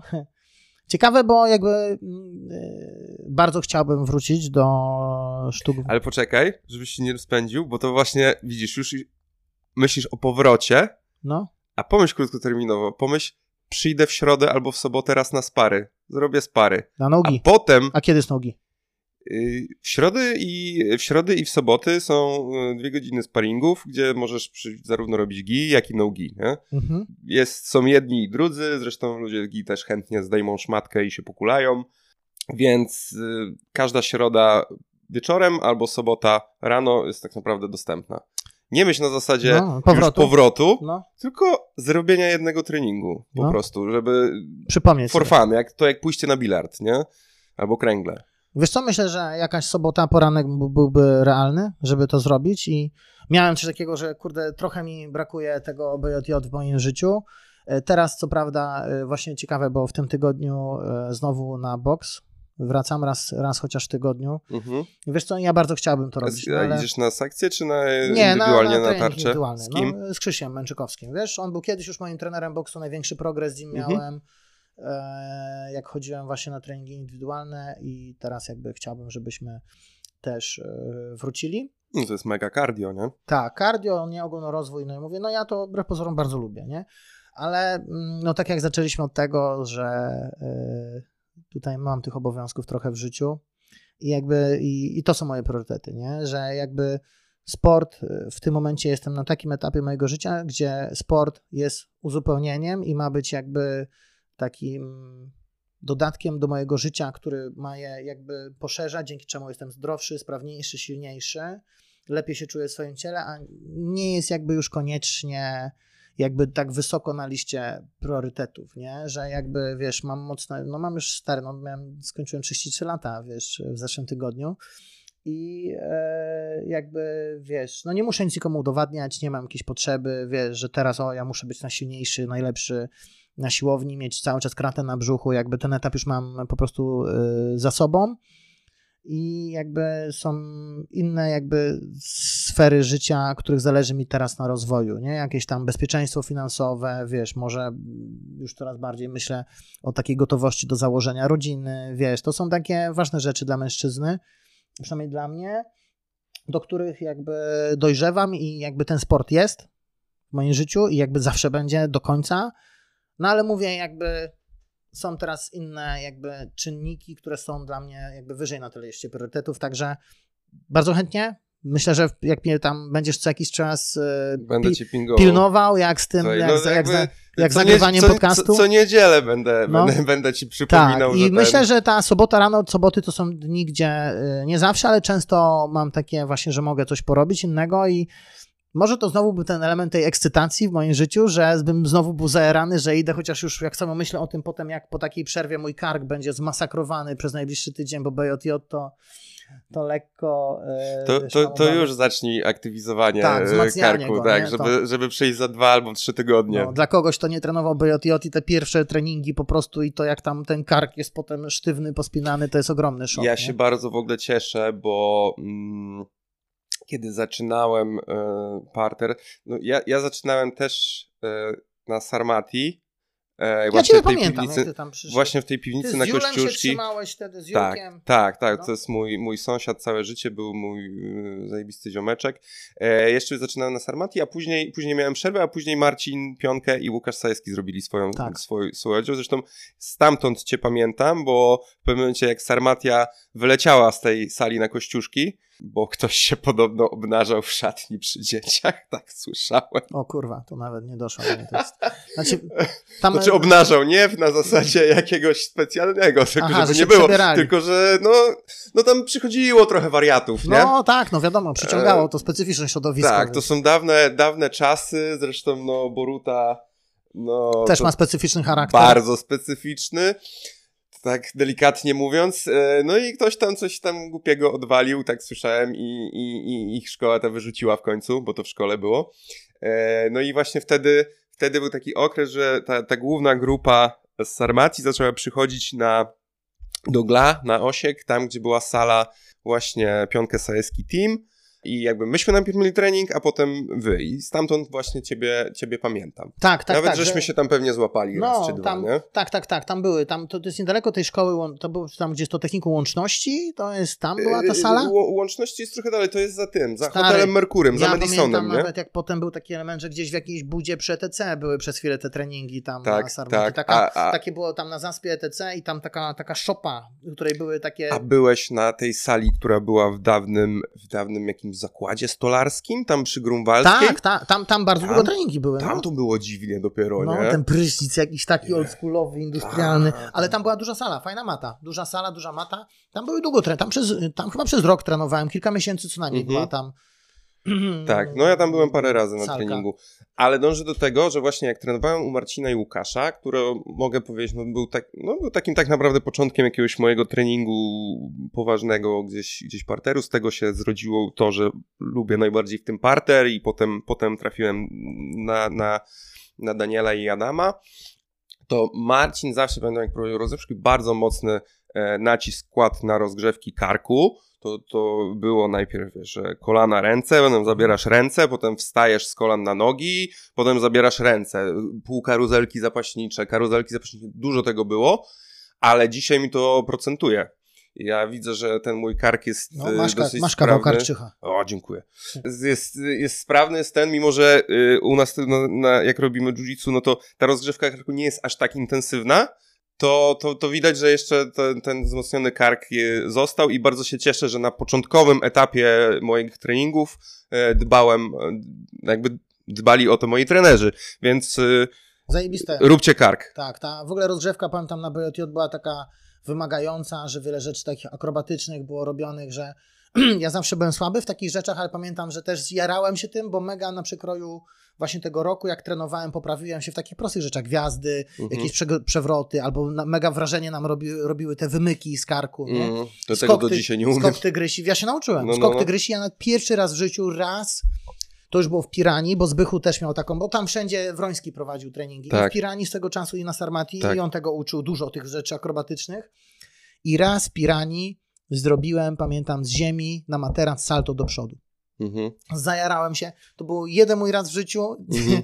gdzie się przełamałem, gdzie miałem swój dzień, to zrobiłem, ale było, pamiętam, że mega się tym jarałem, nie? że fajnie, że poprawiłem trenując wtedy BJJ, te dużo tych takich elementów takich akrobatycznych, nie? że to też było ciekawe. Tak, to jest coś, co jest bardzo ważne gdzieś na etapie bycia białym pasem, żeby te rozgrzewki jednak były mocne, ogólnorozwojowe i, i, i pewne te elementy e, najważniejsze ich gibkości w, do jiu-jitsu rozwijały, bo to potem procentuje na lata i jak, no, jak już potem jesteś purpurą brązem, to rzadko kiedy tak mocno e, gdzieś rozgrzewasz e, czy trenujesz te te części na treningu, skupiasz się jednak na technice, na sparingach, a jeżeli zbudowałeś sobie dobrą bazę przez pierwsze lata treningów, no to, no to potem możesz to właśnie rozwijać indywidualnie gdzieś na siłowni czy coś. Także... Nawet w życiu, wiesz, potem te umiejętność upadania, wiesz, amortyzowania tego upadku, wiesz, żeby nie, nie lądować na proste ręce, żeby się tak. nie połamać.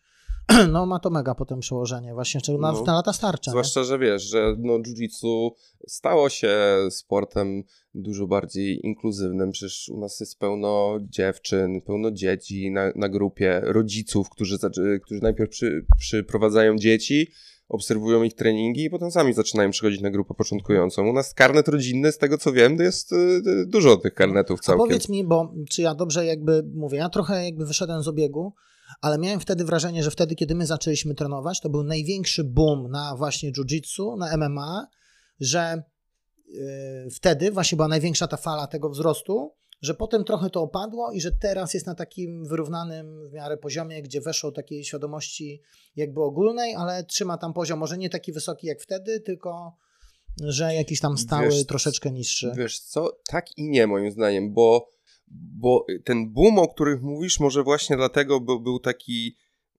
gwałtowny, powiedzmy, nazwijmy to w cudzysłowie jednorazowy, a teraz jakby ta popularność jest cały czas wysoka, cały czas rośnie w stabilny sposób. Okay. Nie? I ja myślę, że jakby nie było lepszego okresu dla jiu-jitsu e, nigdy wcześniej. W MMA nie do końca się tak potrafi odnieść, jakby nie trenujemy mała, więc nie, nie widzę na co dzień e, tych grup. Oczywiście no, mam sporo, sporo kolegów, e, którzy, którzy gdzieś trenują, prowadzą, ale, mm, ale tak do końca się nie mogę odnieść. Natomiast jiu-jitsu, ono cały czas idzie mocno w górę, właśnie, właśnie to wiesz, no kiedyś, kiedyś to naprawdę mogłeś ten sport zacząć w każdym wieku i osiągnąć powiedzmy na arenie ogólnopolskiej do, dowolne sukcesy. Teraz już chyba wyszliśmy nawet z tego momentu, nie? Bo teraz już jest tak, że po prostu tak wcześnie dzieciaki zaczynają trenować.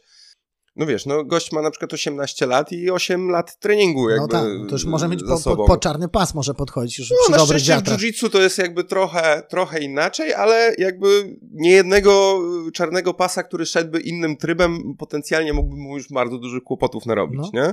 Więc mi się wydaje, że ten boom cały czas trwa, tylko jest na tyle stabilny, że ciężko go, go zobaczyć, okay. bo on ca ono cały że... czas rośnie yy, w stabilny i mocny sposób. Super. Tak Czyli bym wtedy to określił. był taki gwałtowny pik, że mocno po prostu wystrzeliło w krótkim czasie, tak.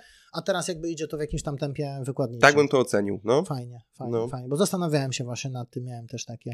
Nie, naprawdę, u nas e, takie, złomiarzowi y, stosunkowo w mojej ocenie sporo czasu zajęło właśnie rozwinięcie się do takiego poziomu, jak ma teraz, bo zawsze się kiedyś nad tym zastanawiałem, że wiesz, Trójmiasto, bardzo duży ośrodek y, ogólnopolski, dużo ludzi po prostu tu mieszka. E, mieliśmy tak naprawdę no jeden ten klub tego złomiarza, no w Gdyni była Pirania, no ale to Nogi, to trochę inny klimat mhm. i to też daleko. E, a ludzi wcale nie było aż tak, tak dużo, jakbym się spodziewał. Gdzie porównując sobie to do już nie, nie mówiąc o Warszawie, Poznaniu, który, Łodzi, wielkich miastach, ale na przykład Szczecina, nie? który no, też ma tą kulturę fajterską mocno rozwiniętą, a, a tam było ten. Ale Brakowało chyba. Chłopaki się zawzięli, jakby po, w pewnym momencie postanowili, profesjonalizujemy to, podchodzimy do tego na poważnie i konsekwentnie robili swoje i to przyniosło efekty. I w tej chwili no mamy, wiesz, bardzo dużo osób przychodzi, bardzo jest dużo grup, jest stała grupa intro dla osób, które w ogóle nie mają zero jakby pojęcia i to są dwa razy w tygodniu treningi intro regularnie w grafiku, potem jest grupa początkująca, jest grupa średnio zaawansowana, e, gdzie tam prym wiodą niebieskie, purpury, brązy. E, jest grupa zaawansowana. Mamy jeszcze też to szczęście, że mamy niesamowitą grupę kickboxingu, gdzie Mateusz Kowalski prowadzi i on ma jakiś taki magnetyzm w sobie, że, że jemu przychodzi na, na 100 osób na trening. Zajebiście, no, no, spora grupa. No, mega, nie? E, więc no, jest, jest, jest super, nie? jest naprawdę dobry czas. No, fa fakt, że e, mogę robić taki podcast i on, wiesz, znajduje słuchaczy i, i, i, zainteresowanie, to też świadczy o tym, że jesteśmy w dobrym miejscu. Tak, nie? tak, tak, tak, tak. Dobra.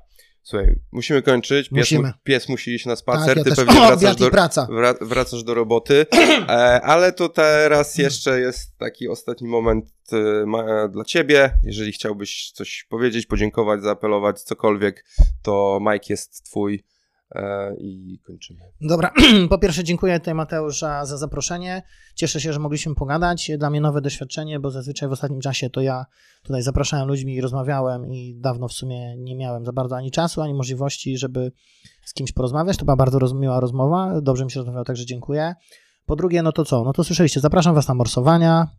Morsujcie. Kto by chciał wejść głębiej, to zapraszam też na obozy mm, Power Camp, który jestem głównym organizatorem, gdzie holistycznie właśnie pracując z zimnem, z oddechem e, i różnego różnymi jego odmianami, ale też zapraszam różnych prelegentów, psychologów, e, wykładowców yoga i pracujemy holistycznie weekendowo nad tym ciałem. Jeśli ktoś z Was chciałby się troszeczkę bardziej zgłębić te tematy treningowe, to też możecie kupić moją książkę przez stronę www.poziomwyżej.com. E, Możecie też próbować e, łapać mnie wszędzie, e, na wszystkich portalach typu YouTube, chociaż trochę go ostatnio zaniedbałem, ale jakby cały czas mam ambicję, żeby wrócić. Facebook, Instagram. Jeśli coś Wam się podobało, chcielibyście, żebym coś wyjaśnił, możecie spróbować do mnie pisać. Ja nie obiecuję, że zawsze odpiszę e, z tego mojego pędu, ale może będziecie, na przykład jak będzie jakieś ciekawe pytanie, może będę miał motywację, żeby na przykład przygotować z tego jakiś post wy, wyjaśniający. No, to chyba wszystko. No i super. To, to ja Tobie również bardzo dziękuję za wizytę i e, widzimy się na morsowaniu i na macie. Dokładnie, dokładnie. Zrobimy fotę, jak przyjadę na morsowanie, na pewno. Tak. Pozdro!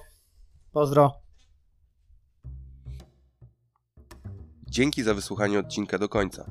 Jeśli macie jakieś pytania do gościa lub do mnie, piszcie śmiało w komentarzach na Facebooku, Instagramie lub YouTubie. Oczywiście zachęcam również do szerowania materiału. Os i do usłyszenia.